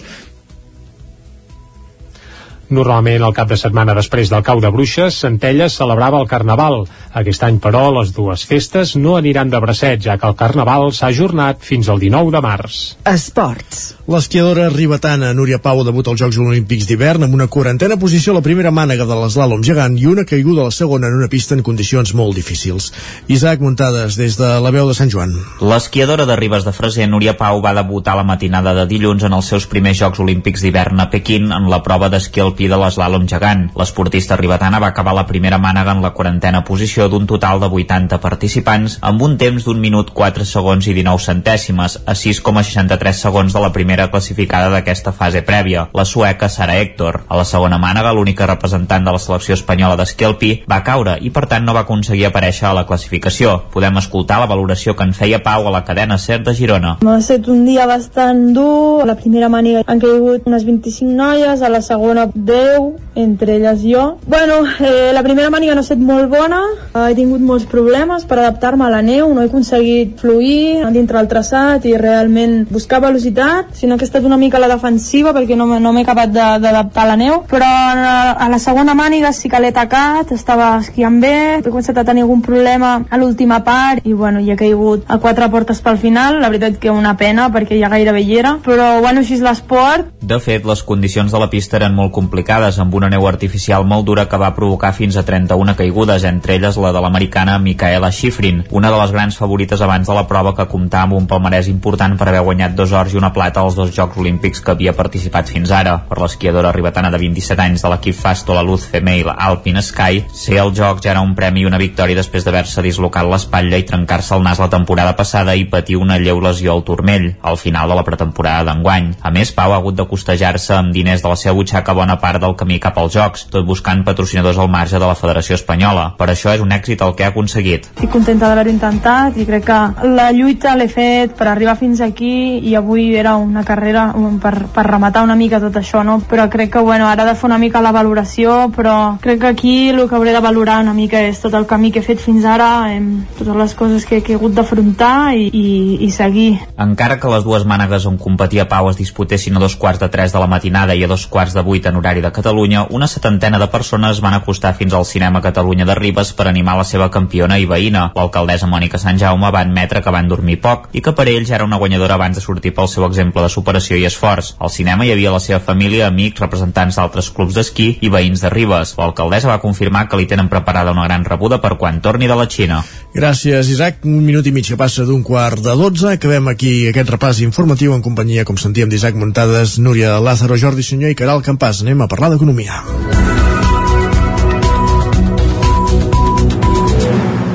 I parlar d'economia al territori 17 és sinònim de parlar amb Joan Carles Arredondo, a qui saludem tot seguit.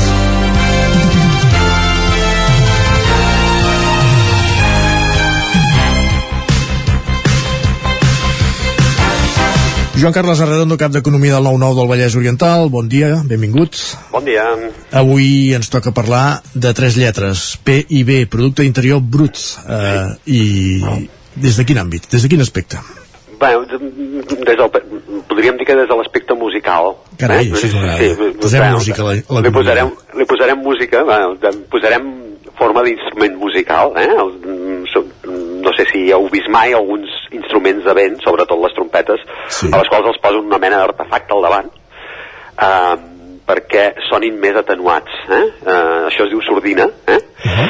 I diguem-ne que eh, la metàfora eh, ve, ve per la sordina que s'hauria de posar a, en els titulars que han sortit en els últims dies respecte de l'evolució del PIB català. Eh, sí.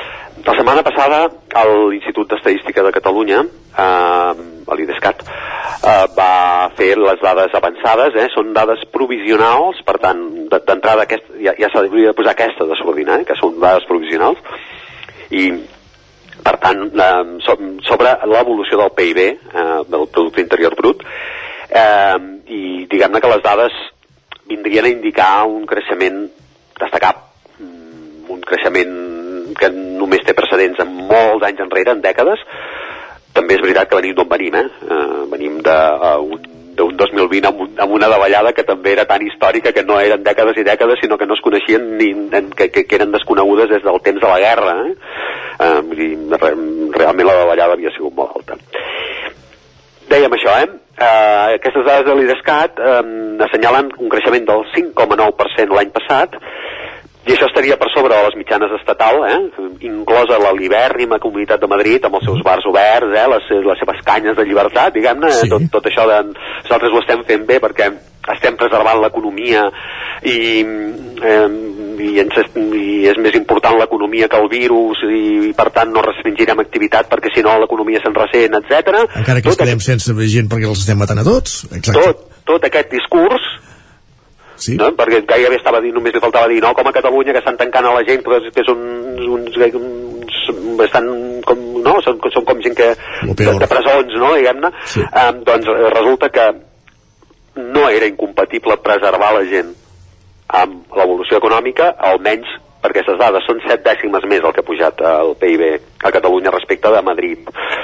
Um, res, només era, era un, un, un, un, un apunt de, sí, sí. Un, un apunt al marge. Eh? També estaria per sobre de la mitjana europea. Uh, per sobre de la mitjana europea créixer més que per sobre de la mitjana europea si fem la comparació de, de, de, del que dèiem al principi d'on venim eh, eh, la davallada a Europa durant el 2020, 2020 va ser menys intensa que la catalana eh, i que l'espanyola i per tant diguem-ne que el camí per recuperar els, el, el punt on s'estava no, no, no els era tan difícil eh? per tant que aquí estem dient que són millors que Europa doncs no, no, no exactament eh? però veient això, eh? veient aquest titular l'economia creix un 5,9% amb sense precedents des de, de, de, de dècades, no?, diguem-ne, um, qui no correria a brindar, eh?, siguin canyes madrilenyes o, va, cap a català, ja aquí som, um, perquè s'està recuperant la prosperitat, doncs millor no córrer a obrir ampolles perquè si s'obren molt ràpid les bombolles eh, poden, Esclaten, ja se sap, sí. es, esbravar-se eh? és cert que el titular és alegre eh? Però el subtítol hauria de començar això eh, amb el que dèiem de la sordina i mm, el desenvolupament hauria de convidar a matisar eh, al màxim el soroll, a posar la sordina gairebé a funcionar al màxim eh? Uh -huh. Um, per exemple, eh, el subtítol hauria d'indicar que l'economia catalana ve d'on ve, era el que dèiem, eh, amb una caiguda a l'exercici precedent d'un 11,5%, i mm, no cal ser el matemàtic més avançat per veure que un 11,5% és molt més que un 5,9% i que per tant s'està lluny de recuperar les xifres prepandèmiques fem més matemàtiques per damis eh? Uh, uh, si es parteix que el 2019 el valor era 100 la davallada de 2020 suposava que l'economia va quedar amb un valor de 88,5 eh? fem la resta i, i surt això què passa? que per tornar a recuperar el 100, el punt de partida ara ja no és el 100, és el 88,5 i per tant has de créixer més que l'11,5% que vas perdre per recuperar el, el, el punt on eres. Eh? Correcte. Per tant, ara que hem crescut un 5,9%, no estem en un valor eh, 38,5 més 5,7, ara no sé quan dona, 93 i poc, i només necessites un 5 i poc per, per tornar a pujar. No, es necessita un 6,7%. Eh? Això és el que es necessitaria ara aquest any, eh? més o menys això, un 6,7% per poder créixer per poder créixer, per poder arribar als, als nivells de 100, eh? Exacte. I per tant, eh, d'aquest tram, eh, ara s'hauria de fer un 12,7%, vaig, vaig fer els càlculs ahir amb calculadora, tampoc, eh, tampoc penseu que sóc un mestre en les matemàtiques, eh? però em donava més o menys un 12,7%, per tant, d'aquest tram no n'ha arribat a recórrer ni la meitat, eh? Hi ha feina per fer. Ah, exacte. Per tant, el, el consell és no fer gaire cas d'unes gràfiques que han aparegut als mitjans de comunicació i fins i tot a la nota de l'IDESCAT, eh, quan, quan la van rebre, que donen una aparença d'un creixement sòlid, eh, propi d'aquella figura de baixa que sempre tant es comentava, perquè només s'estan com, comparant els, els nominals, és els, els, els percentatges de creixement, i clar, això fa unes dents de serra importants, però no estan reflectint exactament el valor uh, de, de, del PIB. És una mica difícil d'explicar per ràdio, però, però si, si, si, es veies, si es veiessin les gràfiques es veuria clarament quina és la diferència. Queda entès. Um, si aquest creixement és de B baixa, sí. és d'una B baixa guerxa, diguem-ne, eh? no sé, semblaria el símbol de l'arrel quadrada gairebé, eh? sí. és una mica no, no, no, no és exactament una, una, una B baixa el que, el que s'està dibuixant. Um, això, eh? Ara, ara aquest any caldria un 6,7% de, de creixement, la qual cosa és un esforç molt intens si es tenen en compte que a banda de tota la recuperació hi ha alguns factors que, que, que fan que el vent et vingui una mica en contra, per exemple, eh? el cost dels els costos energètics encara molt elevats i si la tensió eh, amb Rússia, Rússia i l'Occident per al tema d'Ucraïna s'intensifica, etc. Eh, diguem-ne que res no fa pensar que els costos energètics estiguin cap avall, no? Els preus de les primeres matèries, els preus dels transports d'aquestes primeres matèries, la retracció del consum perquè hi ha un augment de la inflació. Mm, tot això són factors que no juguen precisament a favor d'un creixement molt sòlid, no? Correcte. Sí, com sigui, i amb permís dels defensors del creixement, eh, que ja, ja, ja saben que n'hi ha i segon, els seus arguments són sòlids també, però en principi, eh, tot el que comporti posar un signe més davant d'un percentatge d'evolució del PIB és positiu, eh, perquè se suposa que això són més recursos que té un, que té un país, diguem-ne, per poder després fer una redistribució adequada. Eh? Això des de la perspectiva més diguem-ne progressista és, és això i per, des de la perspectiva més liberal també vol dir que més eh, recursos perquè empreses i ciutadans puguin gastar, puguin contractar, etc. Sigui com sigui, sembla que un signe positiu davant del PIB és positiu, sobretot venint d'una davallada tan important com la que veníem uh, un any abans, no? Uh -huh. Altres indicadors també a favor altres indicadors també van a favor eh, de, de, de l'evolució econòmica que estem vivint actualment, eh, sobretot des del punt de vista laboral. Eh? Eh, el retoc el que en podríem dir retoc cosmètic més que reforma laboral que es va aprovar, aprovar a, veure qui, a veure si no ho espatlla eh, tot sí. això d'aquesta evolució però està clar, eh, l'atur està baixant fins i tot en un mes de gener, això no té gaires precedents, perquè normalment el mes de gener s'acaben tots els contractes que s'han fet per Nadal i, Correcte, sí, sí. l'atur creix.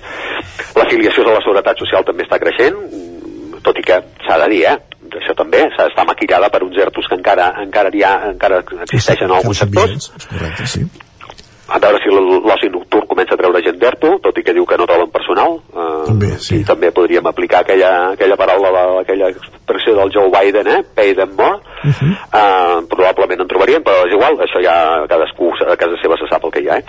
eh I això, eh, amb, amb, aquesta, amb aquest retoc cosmètic de la reforma laboral, hi ha indicis que hi ha més contractació indefinida. Tot això s'haurà d'anar veient perquè en un mes no, no, no, no diguem que la comparació no, uh -huh. no es pot establir. Sempre hi ha un lloc per l'optimisme, i sobretot si es té present que avui hi ha més persones cotitzant que en els temps previs al coronavirus. Per tant, mm, tampoc volem ser aquí els pessimistes de sempre, eh? No, al contrari. Destaquem, destaquem coses positives. Eh, veig que la cosa se'ns se està anant de temps, per tant, sí. anem, anem aquí, eh? La, la intensificació... Conclusió. Sí, la, la, la intensificació del creixement durant l'últim trimestre de l'any passat hauria de ser una invitació, eh, un 6,9% interanual, hauria de ser una invitació a l'optimisme, però que es corrobori, perquè es corrobori caldrà que es confirmin algunes previsions que ha fet la Cambra de Comerç, per exemple, que augura un creixement del 6,3%. Eh? Um, més consum, perquè hi ha més possibilitats per gastar i més inversió de les empreses. Són bones perspectives, però sempre s'ha de posar una sordina que eviti estridències, estridències eufòriques. Doncs amb aquest consell ens quedem. Joan Carles, moltíssimes gràcies i fins dimarts vinent. Gràcies a vosaltres. Bon dia. Acabem aquí aquesta secció dedicada a l'economia. Pausa i tornem. El nou FM, la ràdio de casa, al 92.8. Del 8 al 13 de febrer arriba el 24è Cau de Bruixes de Centelles, una festa per tots els públics que gira al voltant de la tradició de les bruixes, l'esoterisme o la màgia, amb espectacles al carrer, un mercat màgic, conferències, música i tallers.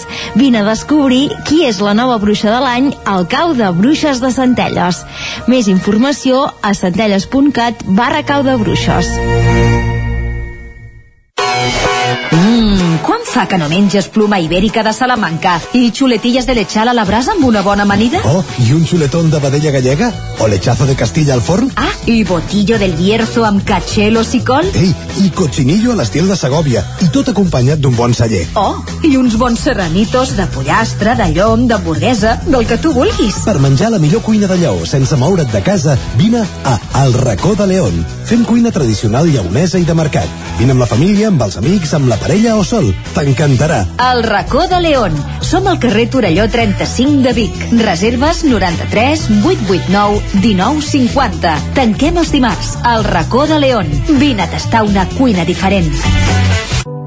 Cobertes serveis funeraris. Els nostres tanatoris estan ubicats en els nuclis urbans més poblats de la comarca d'Osona per oferir un millor servei. Tanatori de Vic, Tanatori de Manlleu, Tanatori de Centelles i Tanatori de Roda de Ter. Sabem que són moments difícils i per això el nostre compromís és atendre-us en tot moment amb un tracte humà, sensible i respectuós. Cobertes serveis funeraris. Telèfon 24 hores 93 883 23 46. Cefosol, centre de formació de soldadura GURB. Som especialistes en processos de soldadura. Disposem d'instal·lacions totalment equipades per classes de teòrica i pràctica amb cabines individuals i equipaments de seguretat.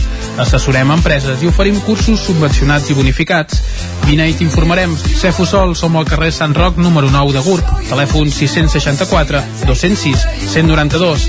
També ens trobaràs a cefosol.com i a YouTube.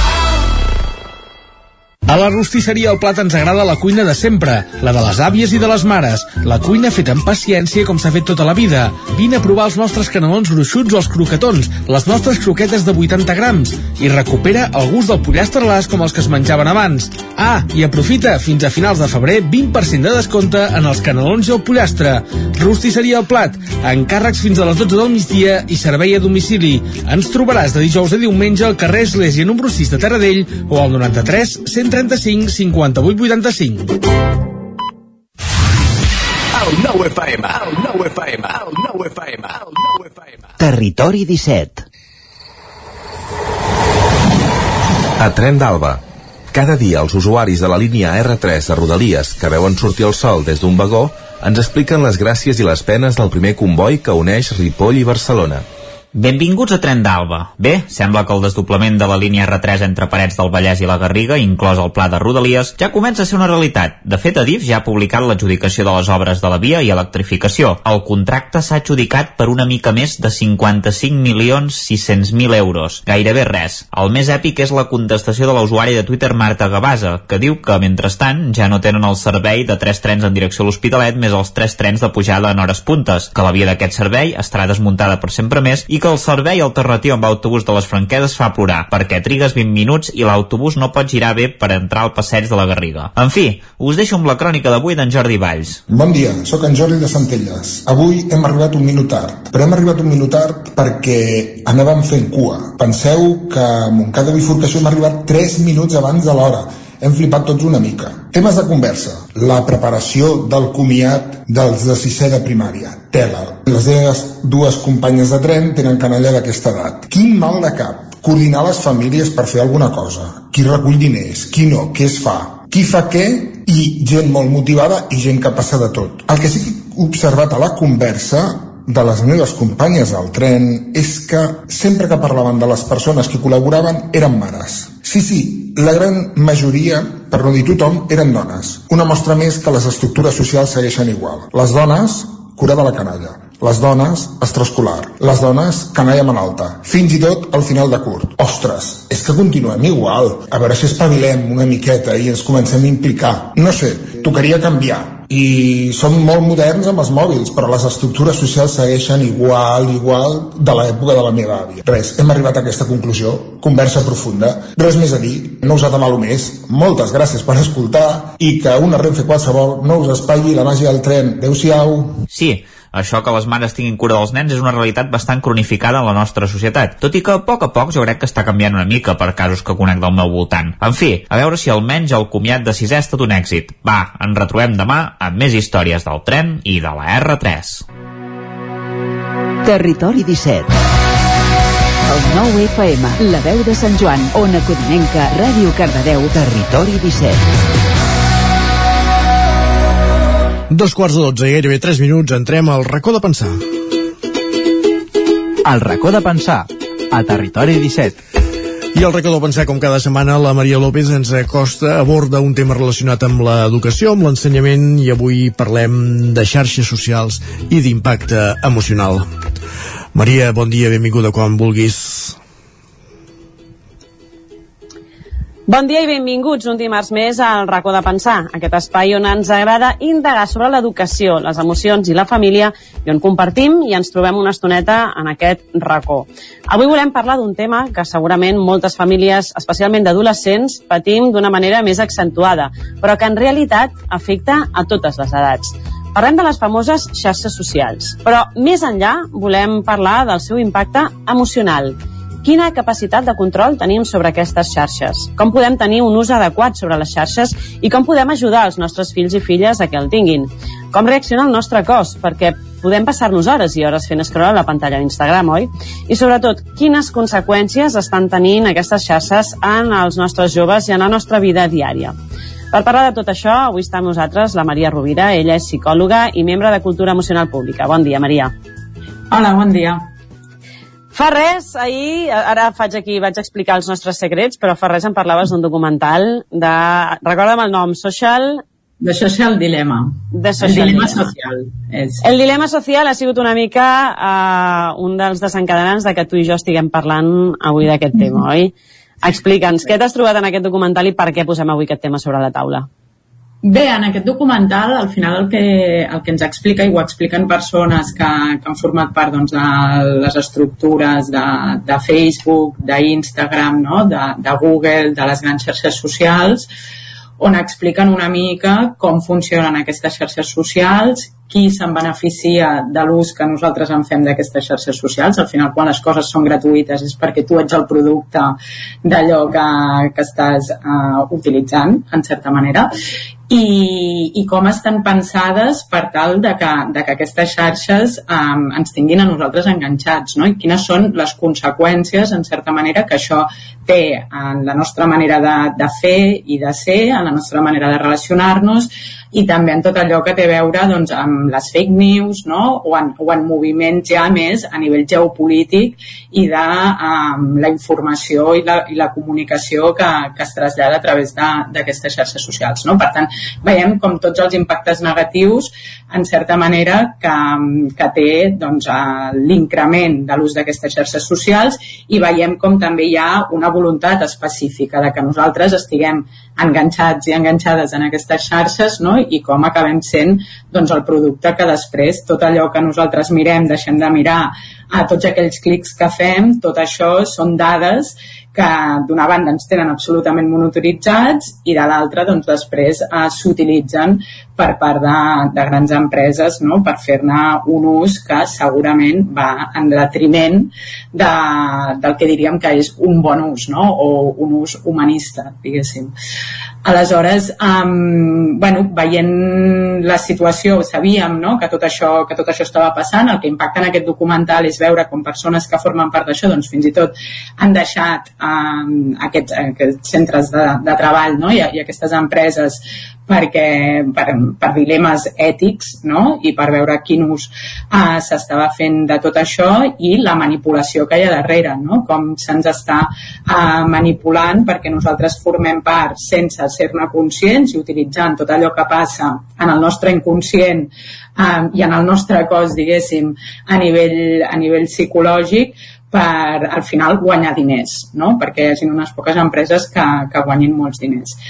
Per tant, és un, és un toc d'alerta, és un toc d'alerta que sabíem que ja estava passant i alhora no, també és una crida a emprendre accions i a veure com les xarxes socials, que sí que tenen amb coses positives, perquè ens comuniquen amb les persones, no? perquè ens relacionen, perquè podem conèixer gent d'arreu, eh, perquè podem rebre informació de molts altres llocs, etc com això és el que es posa al centre i no, um, pel contrari, no, doncs tota aquesta, tota, tota aquesta informació, aquestes fake news que, que li anomenem, tota aquesta manipulació nostra, l'aïllament no, que, que ens suposa l'ús d'aquestes xarxes socials, um, deixant uh, aleshores les connexions humanes com algo que queda relegat en, en el curs secundari, no? Um, i ells fan com una, una crida a l'acció, no? sobretot a donar tota aquesta perspectiva. Hi ha una major uh, fiscalització i democratització d'aquestes de, xarxes socials, del contingut i alhora també de, de, bueno, de l'ús que se'n fa de tot el que se n'extreu. No? Parlaves d'una voluntat per part d'aquestes empreses de crear addicció en els, en els consumidors de xarxes, en els usuaris de xarxes socials i està clar que ho deuen estar fent bastant bé perquè arriba un moment que ja no saps si tu controles les xarxes socials o si són les xarxes socials que ens controlen a nosaltres, oi?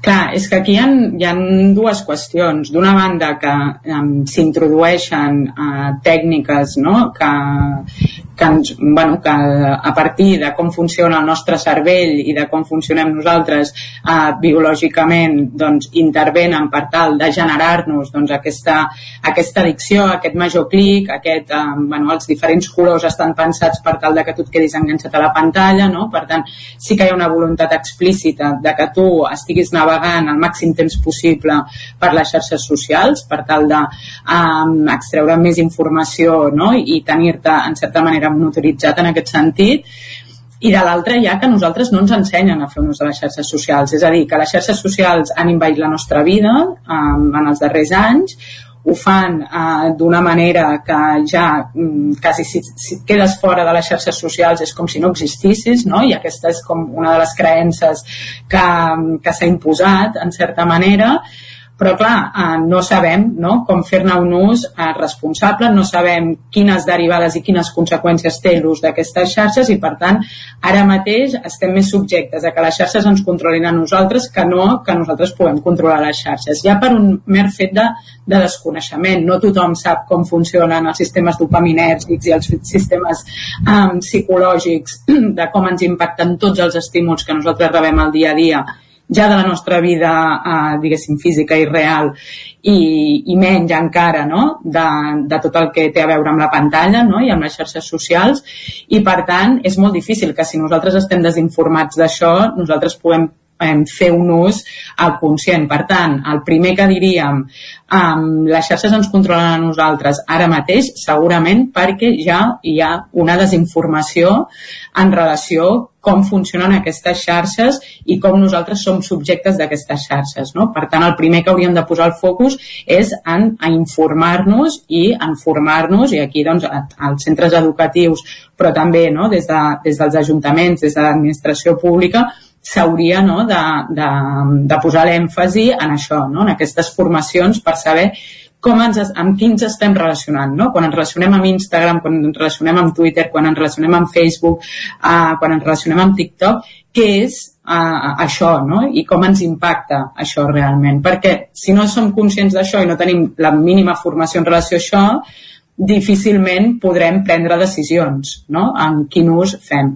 Per tant, ara mateix la deriva és que aquestes ens controlen a nosaltres, però per una manca de coneixement no? sobre com funcionen i com ens impacten en el nostre dia a dia. Per tant, el primer que s'hauria de fer és a, informar sobre això a tothom, no? i sobretot als subjectes més vulnerables, eh, també perquè doncs, el cervell encara està en maduració, com és l'adolescència, la, no? com són infants i adolescents. Hi ha diferents eh, estudis ja que s'han fet de l'impacte negatiu no? que, ten, que tenen les xarxes socials, de com augmenten els trastorns d'ansietat o la simptomatologia ansiosa entre els joves, de com incrementen aleshores els trastorns depressius, de com han incrementat també els trastorns de conducta alimentària eh, fruit no? d'aquestes imatges eh, que es projecten de perfecció eh, i com això doncs, eh, acaba tenint un impacte no? en, la, en la salut mental, sobretot dels nostres joves um, i també encara no ho sabem no, de, dels que som adults i també dels infants no? Parlaves ja, de, has deixat una mica així la, la, la puntadeta dels temes de les reaccions del nostre cos físic, quasi, respecte a algunes, algunes eh, de les eines que deuen utilitzar les grans empreses de xarxes socials. No sé si, si podríem aprofundir una miqueta més això, no? Amb com reacciona el nostre cos davant d'aquests impactes visuals, diguéssim. Clar, bàsicament el que s'activa en el nostre cos, és a dir, el que passa, si ho diguéssim així, no? d'una manera fàcil d'entendre, és que amb les pantalles al final el que tens és sempre un reforç. I sempre tens un reforç positiu um, d'allò que tu fas, no? A l'haver interacció, no? tu aleshores aconsegueixes més likes, aconsegueixes més faps, o aconsegueixes retweets, o aconsegueixes que tanta gent t'hagi mirat, no? Per tant, um, se t'activa tot el circuit dopaminèrgic no? de, de, que en un moment donat et fa com, com un subidon, no? que li diríem. Mm -hmm. Aleshores, estàs acostumant constantment el teu, el teu cos a tot aquest tipus de, de respostes. No? Aleshores, això és un impacte um, que, té, que té unes derivades, perquè quan tu deixes de tenir um, aquestes respostes, no? d'una banda fa que tu vulguis anar constantment, i aquí és on es genera la dependència, no? que tu vulguis anar constantment... Com una droga, ben bé, eh? Exacte. De fet, funciona de la mateixa manera que, el, que les addiccions um, i el circuit que s'ha de, de treballar és el mateix que es treballa amb les addiccions, el, el circuit neuronal podríem dir um, que, que s'ha d'abordar. Aleshores, um, clar, el primer, el, el que això genera, no? el que tu tinguis sempre una estímul-resposta, és que hi hagi una dependència, no? perquè aleshores el teu cos vol constantment estar segregant això. Per tant, el, el que si contínuament estàs fent això, eh, generem conductes addictives, no? I per tant ens passem cada vegada hores i més hores. Què passa? Que en el moment en què tu deixes de... i cada cop necessites més, no? per mantenir aquest circuit uh -huh. i en el moment en, en què tu deixes de tenir aquest reforç positiu això també té unes derivades no? en tu i aleshores aquí és quan um, també uh, es generen uh, d'altra sintomatologia relacionada amb aquesta baixada d'aquesta dopamina i, i alhora no, amb com tu processes això també a nivell mental. D'una banda fa que tu estiguis enganxat a una cosa eh, projectant una imatge de tu que potser no és la real perquè són les dinàmiques que s'han generat a les xarxes i de l'altra eh, això fa que et vagis comparant també no? i que tu projectes una imatge de perfecció i de, i de ser estupendo que no és la teva real, per tant tu no estàs acollint el que realment està passant en el teu interior no? i en el que et passa en el teu dia a dia i les teves emocions eh, que estàs sentint, sinó que en certa manera diríem que et dissocies Um,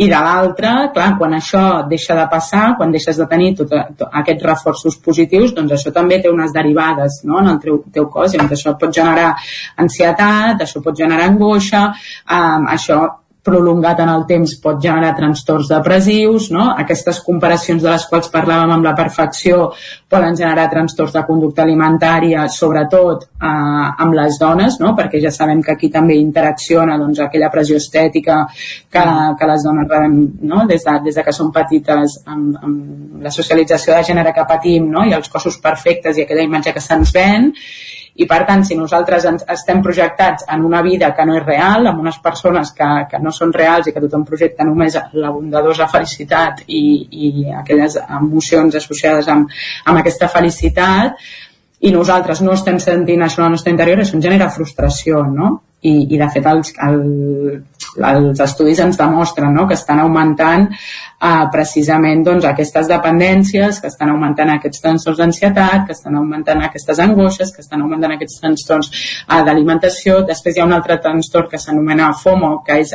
la por a estar-se perdent alguna cosa, no? quan tu tens xarxes en les que constantment estan passant coses, um, quan estàs uh, una estona sense mirar el mòbil o l'ordinador, és com què està passant, no? i això et genera angoixa.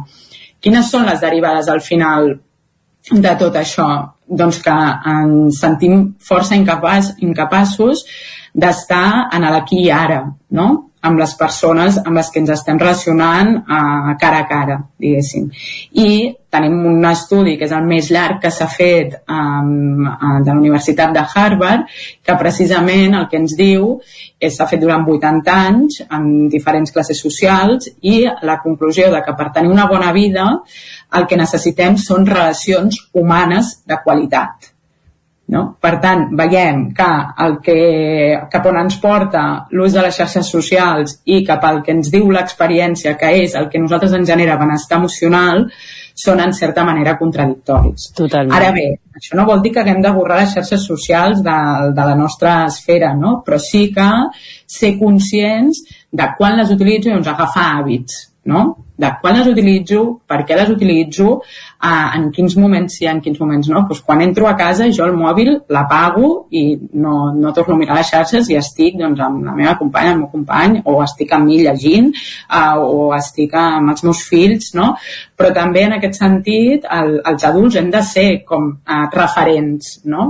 Si un, un nen, una nena, un infant uh, o un adolescent uh, veu que els seus referents no, uh, tenen un mal ús d'aquestes xarxes no, i estan constantment enganxats al mòbil, que potser serà per una altra cosa, eh, per contestar correus, per mirar whatsapps, pel que sigui, per la feina, um, això amb ells els hi, els hi dona no? com un reforç a dir, ah, vale, jo també ho puc fer per tant, aquí també els adults tenim una responsabilitat molt clara no? en relació a això, és a dir, mm, també tenir els nostres espais de el mòbil no hi és, no? les xarxes tampoc, i fer uh, un ús molt conscient de quan ho miro, per què ho miro i de quina manera. I una reflexió sobre què vull projectar jo no? de, de mi i de quina manera també ho vull fer. Suposo que com a psicòloga et deus haver trobat eh, algun cas ja de doncs, pura addicció al mòbil, no sé si és més, més habitual amb adolescents, intueixo que sí, eh, però en aquest sentit com els podem orientar als i a les nostres joves sobre com fer un bon ús. Ara apuntaves ja un, una clara eina que és el ser referents, no? I, i com a adults també aprendre a casa això una estoneta aparcat el, el mòbil a un costat i, i buscar espais d'altres coses, però no sé si, si podem tenir més eines que ens ajudin a, a orientar-los amb aquest bon ús dels, de les xarxes socials. Sí, jo crec que d'una banda hi ha, o sigui, si hi ha un, si hi ha un problema d'addicció s'ha d'acompanyar per un professional, és a dir, quan veiem no, que realment um, si nosaltres traiem el mòbil d'aquella persona o si no li permetem no, que durant unes hores determinades ho miri, havent-li comunicat, havent-li explicat per què, no? per, perquè això és negatiu, perquè això no, no, no és positiu per ell, donant-li tota la informació, que això també és important, no, no fer-ho des d'un lloc autoritari, sinó explicant-li no? um, què és el que, el que passa, quines són les conseqüències de l'ús de les xarxes socials, Aquí sí que hi ha una feina que s'ha de fer per acompanyament d'un professional, no? diguéssim, i aquí sí que hi ha com un circuit eh, per tal de fer-ho de la millor manera possible altres coses que, que són importants si no hi ha no, aquesta, aquesta addicció tan clara i aquí també és cert que la pandèmia i l'aïllament que ens ha suposat la pandèmia per les joves també um, ha tingut conseqüències no? les xarxes socials han tingut aleshores un boom a través del qual nosaltres ens, ens comunicàvem i a, i a través del qual nosaltres interaccionàvem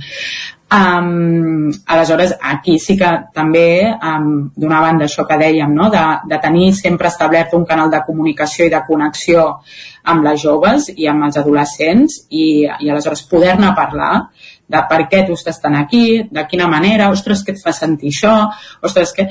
Um, per tant, tenir sempre establert un canal de comunicació i parlar obertament del que suposa això i, i l'altre és nosaltres ser referents no? en relació a això i aquí ens n'adonem moltes vegades que primer l'exercici l'hem de fer nosaltres no? segurament a part de, de sortir a, a dir què poden o què no han de fer o què és dolent o, o què va malament no? per ells, eh, també mirar-nos-ho a nosaltres i fer-nos doncs, aquestes preguntes en relació a quin n'estem fent, de quina manera i una cosa que, que funciona és um, adonar-te quan necessites interaccionar més, no? Quina és la teva emocionalitat quan tu necessites interaccionar més i rebre no, tots aquests reforços positius i, tota, i necessites no, el, el desconnectar de la teva, uh, del teu cos o de la teva realitat uh, present, diguéssim, i anar-te'n a les xarxes socials, perquè aquí també podem extreure coses, no? I ens n'adonem que um, quan hi ha tristesa, no? quan hi ha baixa autoestima, hi ha més uh, probabilitat no? de, um, aleshores, bueno, estàs més vulnerable no? i llavors te, necessites molt més aquest reforç positiu constant. Per tant, um, aquí hauríem d'anar al nucli, no? Per què hi ha una autoestima baixa, per què no? hi ha aquesta tristesa, i anem a arreglar això a la, i anem a parlar-ne i abordar-ho no? des, de, des de la realitat eh, del dia a dia.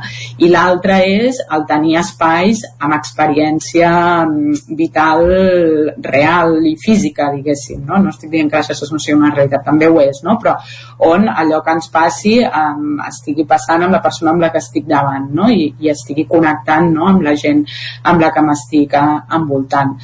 La, al final, l'aïllament la, o el no estar en contacte amb persones amb les que connectem i amb les que ens podem expressar i amb les que podem gaudir i amb les que podem compartir emocions, això és un factor de risc.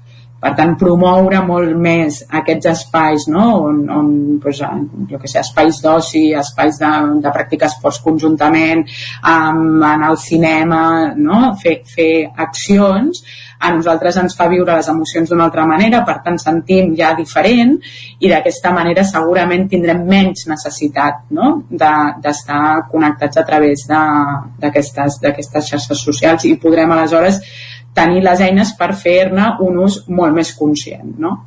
Però, de fet, és, és com un peix que es mossega la cua, no? Perquè si anem a buscar les xarxes socials en aquells moments en els que ens sentim, doncs, potser una autoestima més baixa, una mica més deprimits, i, i anem a, a buscar alguna cosa que ens animi amb aquell ideal que en realitat no és com són les coses, sinó que és com una vida perfecta, penjar a les xarxes, després quan tornes a la realitat encara et deprimeixes més, no? dius, això, no, això en veritat no tinc allò clar, aprofundeixes encara més amb aquesta autoestima baixa, no? Per tant, necessitem trencar aquest, aquest bucle en certa manera i, per tant, detectar um, això i veure que la solució no és més xarxa social, sinó que la solució és més experiència vital no? i experiència vital eh, amb coses que, que puguem tocar, no? amb coses que puguem fer amb les mans, amb coses que requereixin del nostre cos, jo que sé, l'activitat la, la, la, esportiva, per exemple, va molt bé, amb converses que puguem tenir amb companys i amics, deixar espais per dir, no,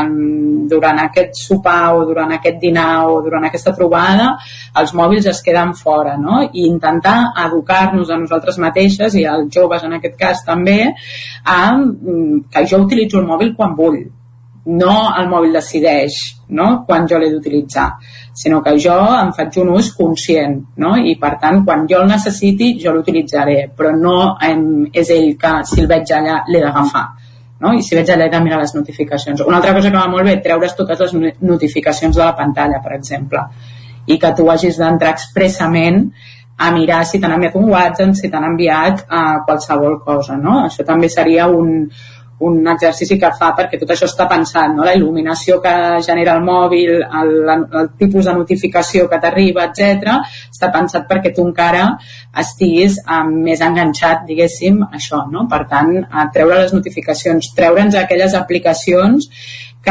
mm, durant no, intentar-ho, anar-ho provant, no? pues provo de treure'm les aplicacions i que potser aleshores només hi hauré d'entrar per l'ordinador. Vale, pues mm -hmm. així ja, ja m'estic agafant distància.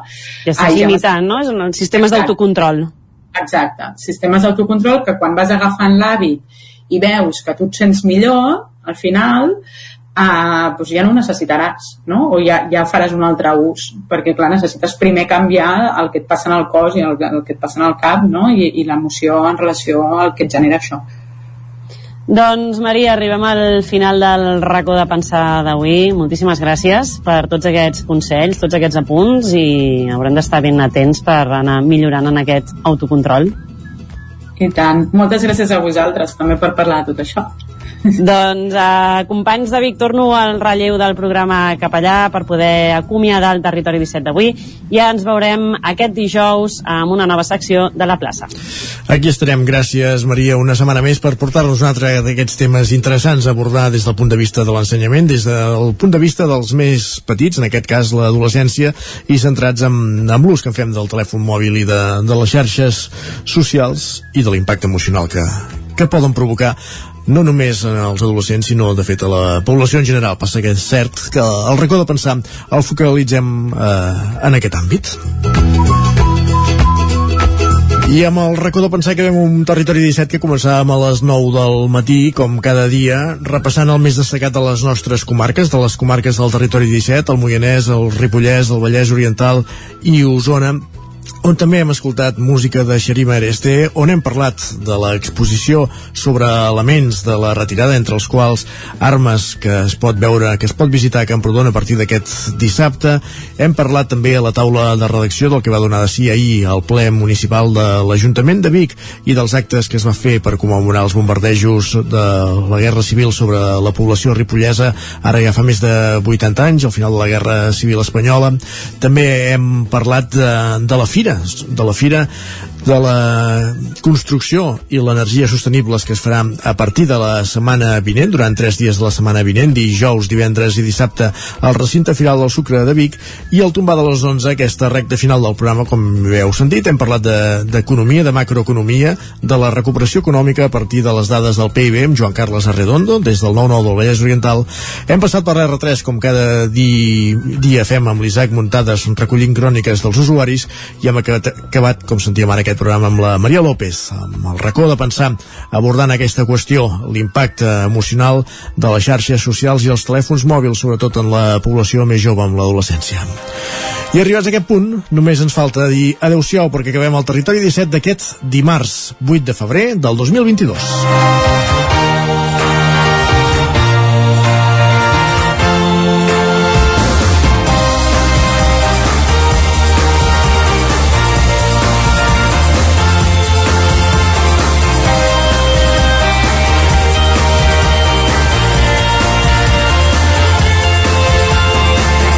Un programa en el qual des de les 9 del matí us hem acompanyat Pep Acosta, Caral Campàs, Isaac Muntades, Guillem Sánchez, Guillem Freixa, Gil Salvans, Núria Lázaro, Òscar Muñoz, Joan Carles Arredondo, Maria López, Jordi Sunyer i Isaac Moreno.